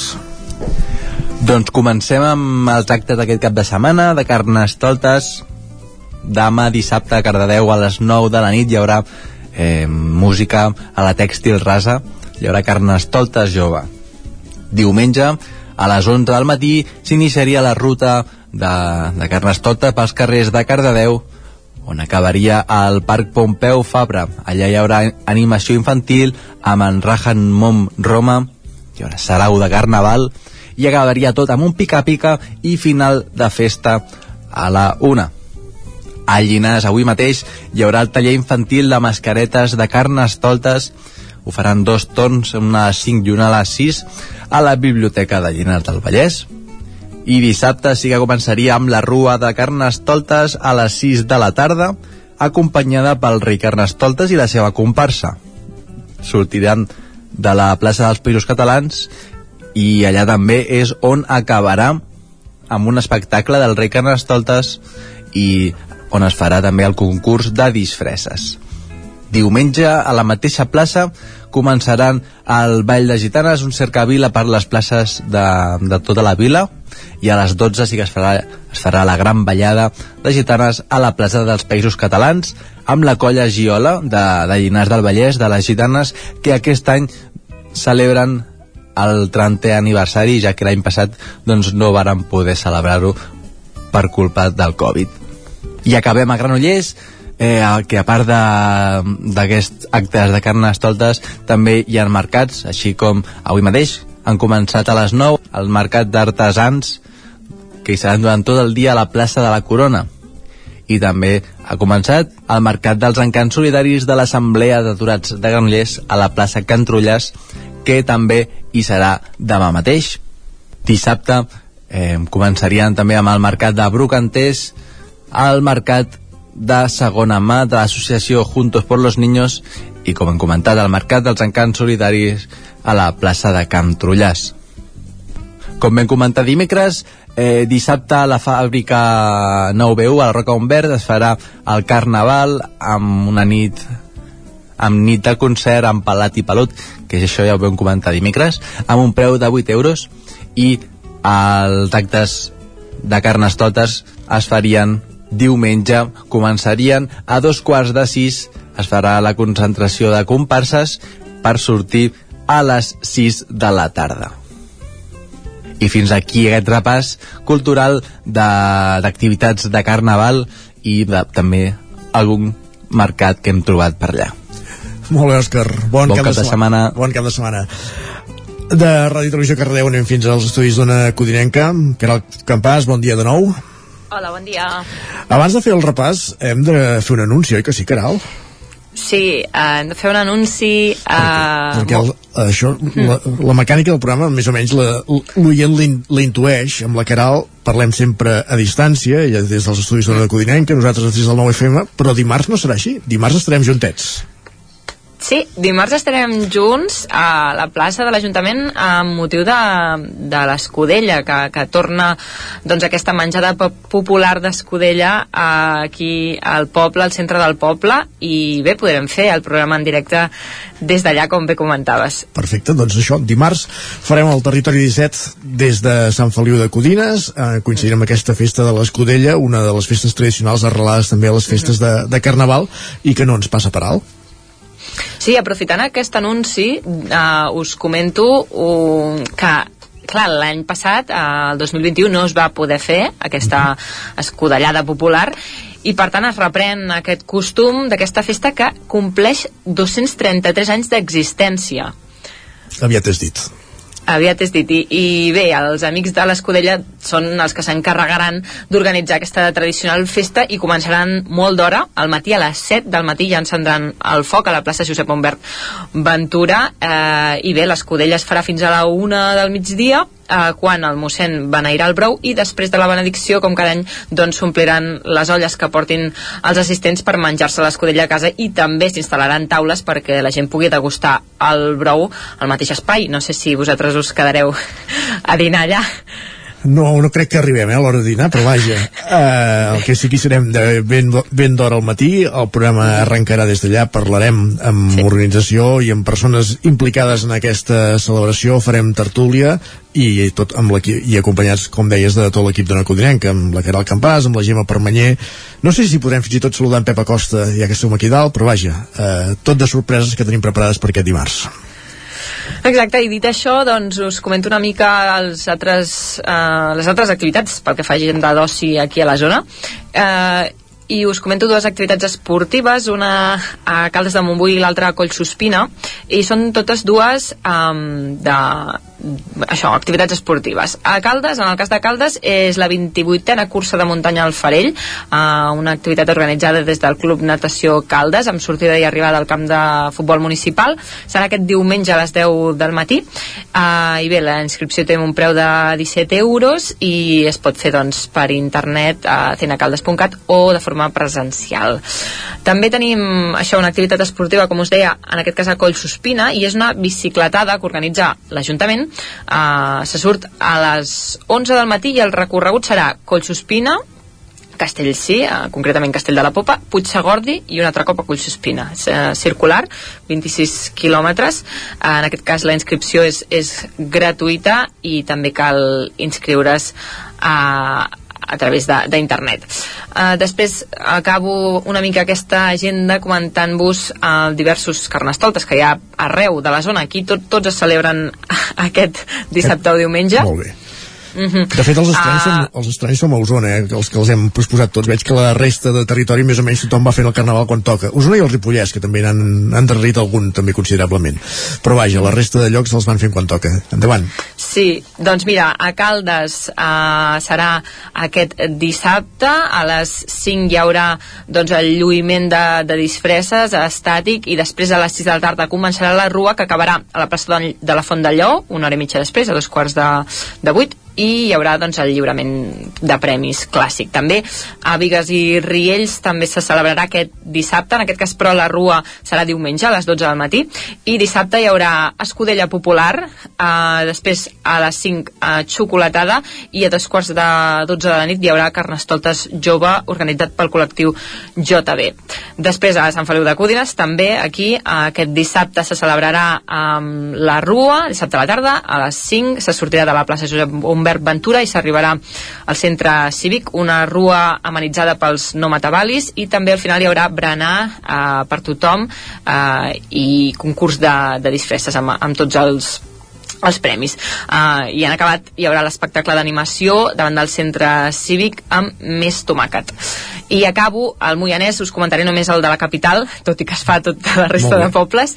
Eh, en aquest cas, a Moià, el Carnestoltes infantil serà dissabte, la rua a les 5 de la tarda amb inici a la plaça Major, i després a les 6 hi haurà festa al Parc Municipal i xocolatada, Uh, i després el, el dia 5 de març també hi haurà concentració de carrosses i comparses a la plaça Catalunya i una altra rua, en aquest cas no la infantil sinó la, la general uh, a dos quarts de set, això el dia 5 de març Perfecte, doncs bon cap de setmana, Caral. igualment, gràcies Vagi bé. Uh, continuem aquest recorregut a la veu de Sant Joan amb l'Isaac Muntades. Com Bon dia. Bon dia, com tenim la gent del cap de setmana. Uh, tenim al alguna coseta, de fet, si voleu, comencem precisament per, per Carnestoltes, que ara en parlava la Caral, que d'això que deies, eh, que uh, de fet uh, pràcticament l'únic que s'ha fet quan toques el de Ribes de Freser, realment la resta sí que s'han endarrerit uh, considerablement, com, com comentaves, i el de Ribes ja va començar la setmana passada i acaba aquesta, eh, que hi ha diverses activitats, per exemple dissabte al matí per tota la vila els sis ministres de, de la Santa Truja doncs, faran inspecció de comerços i establiments que estigui tot ben decorat i, i com toca, i a les 6 de la tarda hi haurà la processó de la Santa Truja doncs, amb l'acompanyament del grup de música al Randallaires a la nit, eh, ball de disfressa al Palau de la Comèdia amb enroc.cat i un parell de, de dijòqueis i diumenge a la plaça del Mercat es farà doncs la, la matança del porc uh, i també hi ha un dels moments més esperats que serà la crema del, del monument amb els diables de la Vall de Ribes i, i m'aturo aquí perquè ja sabeu que aquest any la, la figura doncs, que, que s'ha fet ha portat molta polèmica recordem-ho que era doncs, eh, el president Pere Aragonès dient-ho així clarament sodomitzat per Pedro Sánchez de, de, sobre d'uns uns esquís i portant la torxa olímpica eh, i bé, doncs ha generat polèmica però per algunes doncs, entitats fet, contra... I és el que es busca durant el Carnaval, eh? Sí, sí, sí, de fet- polèmica, però vaja. De, de fet, cada any, a veure, qui no conegui els moments de Ribes de Freser han set molt polèmics. Vull dir, n'hi ha hagut eh, alguns de bastant polèmics en el passat. Hi havia una relació lèsbica, si ho recordem, fa uns anys, això entre Inés Arrimadas i la llavors vicepresidenta Soraya de Santa Maria, també Alicia Sánchez Camacho a sobre d'un vàter portant un Rajoy més petit, n'hi ha hagut de menys polèmics, com el president Mas vestit de Superman amb, amb Anna Gabriel allà sota, no? Uh, quan, quan va passar tot allò del paper de la història, bé, n'hi ha hagut de tot, o el, Molt o el del rei Felip amb els testicles, uh, que ja ho recordem, no? Se, bé, doncs l'entitat com, com tal com som, doncs es va, d'aquí del, del Ripollès i d'Osona es va queixar una mica d'això, que dient que evidentment aparentment eh, no s'havia fet amb mala fe però que es donava un missatge que, que era contrari doncs, a, als valors LGTBI i bé, eh, ja sabem com, com és cada any i, i l'any que ve es tornarà a ser polèmic per tant no, no cal pas que en parlem més Doncs va. i, i, i s'ha de respectar Més coses Eh, que el temps se'ns tira a sobre. Sí, hi haurà carrestoltes infantil al pavelló municipal d'esports amb la gran festa de, del grup Els, els Salats. Dir-vos també que aquest dissabte a les 6 de la tarda a la sala Bata Arnau de Villalba del Palau de l'Abadia de Sant Joan eh, hi haurà la conferència d'art i anatomia a càrrec del doctor Xavier Sierra i Valentí, que és president del Museu d'Història de Medicina de Catalunya, que servirà com a cluenda de l'exposició a punts d'anatomia de l'artista Pep Atmetlla i per acabar, eh, a Ripoll hi haurà un taller artístic, un taller familiar per a nens i nenes de 0 a 6 anys. Eh, serà l'estimulació musical Tot Sona, dos grups, un per famílies amb infants de 0 a 2 anys i un altre per famílies amb de nens eh, de 3 a 5. Eh, I bé, també hi haurà un taller artístic de, de màscares per a famílies de, de nens i nenes de 3 a 6 anys per, per aquest carnaval. Perfecte, doncs moltes gràcies, Isaac. Bon cap de setmana. Igualment. I acabem aquest recorregut a Osona amb en Miquel R. Avui no el tenim a l'estudi, el tenim eh, en línia al Trufòrum, perquè de fet és una de les activitats del cap de setmana, Miquel. Bon dia. Correcte, uh, jo diria l'activitat principal d'aquest cap de setmana així festiva aquí a Vic i a la comarca. Uh, en aquests moments estem a dins de l'Auditori Marià Vila de Badal, està parlant uh, Quico Aromí, l'històric cap de cuina del restaurant Can Jovany, que participa en una de les novetats d'aquesta cinquena edició, que és una acadèmia, eh, està anomenada Acadèmia de la Tòfona, que és tot una matinal eh, dedicada a alumnes, hi ha més de 200, aquí a la sala està plena, més de 200 alumnes de- d'escoles de, d'hostaleria d'arreu de Catalunya. Seria, diguéssim, la proposta i la novetat amb la que arrenca l'acadèmia, que oficialment eh, s'inaugurarà aquesta tarda, a partir de les 7 de la tarda, amb el lliurament de l'ambaixador d'honor, aquesta nova, eh, aquesta, no, aquesta no, no seria nova, sinó eh, aquest guardó eh, que es lliura cada any, aquest any pel cuiner David Andrés, de Via Veneto, i també a títol pòstum per Santi Santa Maria. Recordem-ho, tot un cap de setmana ple, hi ha el mercat entre dissabte i diumenge, es pot visitar el mercat Trufòrum, mercat de la tòfona amb productes trufats, Ara, paral·lelament, se celebra el Congrés Internacional de la Tòfona, hi han cuiners, eh, cuiners presentant doncs, les seves propostes de cuina amb tòfona. Dissabte matí, per exemple, eh, repetiran Quico Aromí, en aquest cas al costat de Nando Jovany.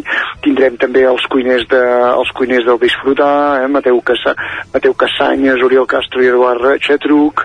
eh, diumenge hi haurà més propostes també eh, de la cuina i una de les propostes eh, diguéssim que mm, menys del món de la, de la tòfona però sí més simpàtiques serà el lliurament d'un nou guardó a tòfona d'or això serà dissabte al migdia el president del Barça Joan Laporta que, que assistirà aquí al moment del, del lliurament de- d'aquest guardó una mica buscant també aquestes figures d'am- d'ambaixador ja no tant en el món de la cuina com és el cas del, de l'ambaixador, de la- sinó com a, com a persones, diguéssim, properes, populars, que poden ajudar a dinamitzar i també a projectar aquest sector. Eh? Recordem que un dels Miquel, grans objectius... Més enllà del Trufòrum, eh, dos titulars ràpids de- d'altres activitats del cap de setmana?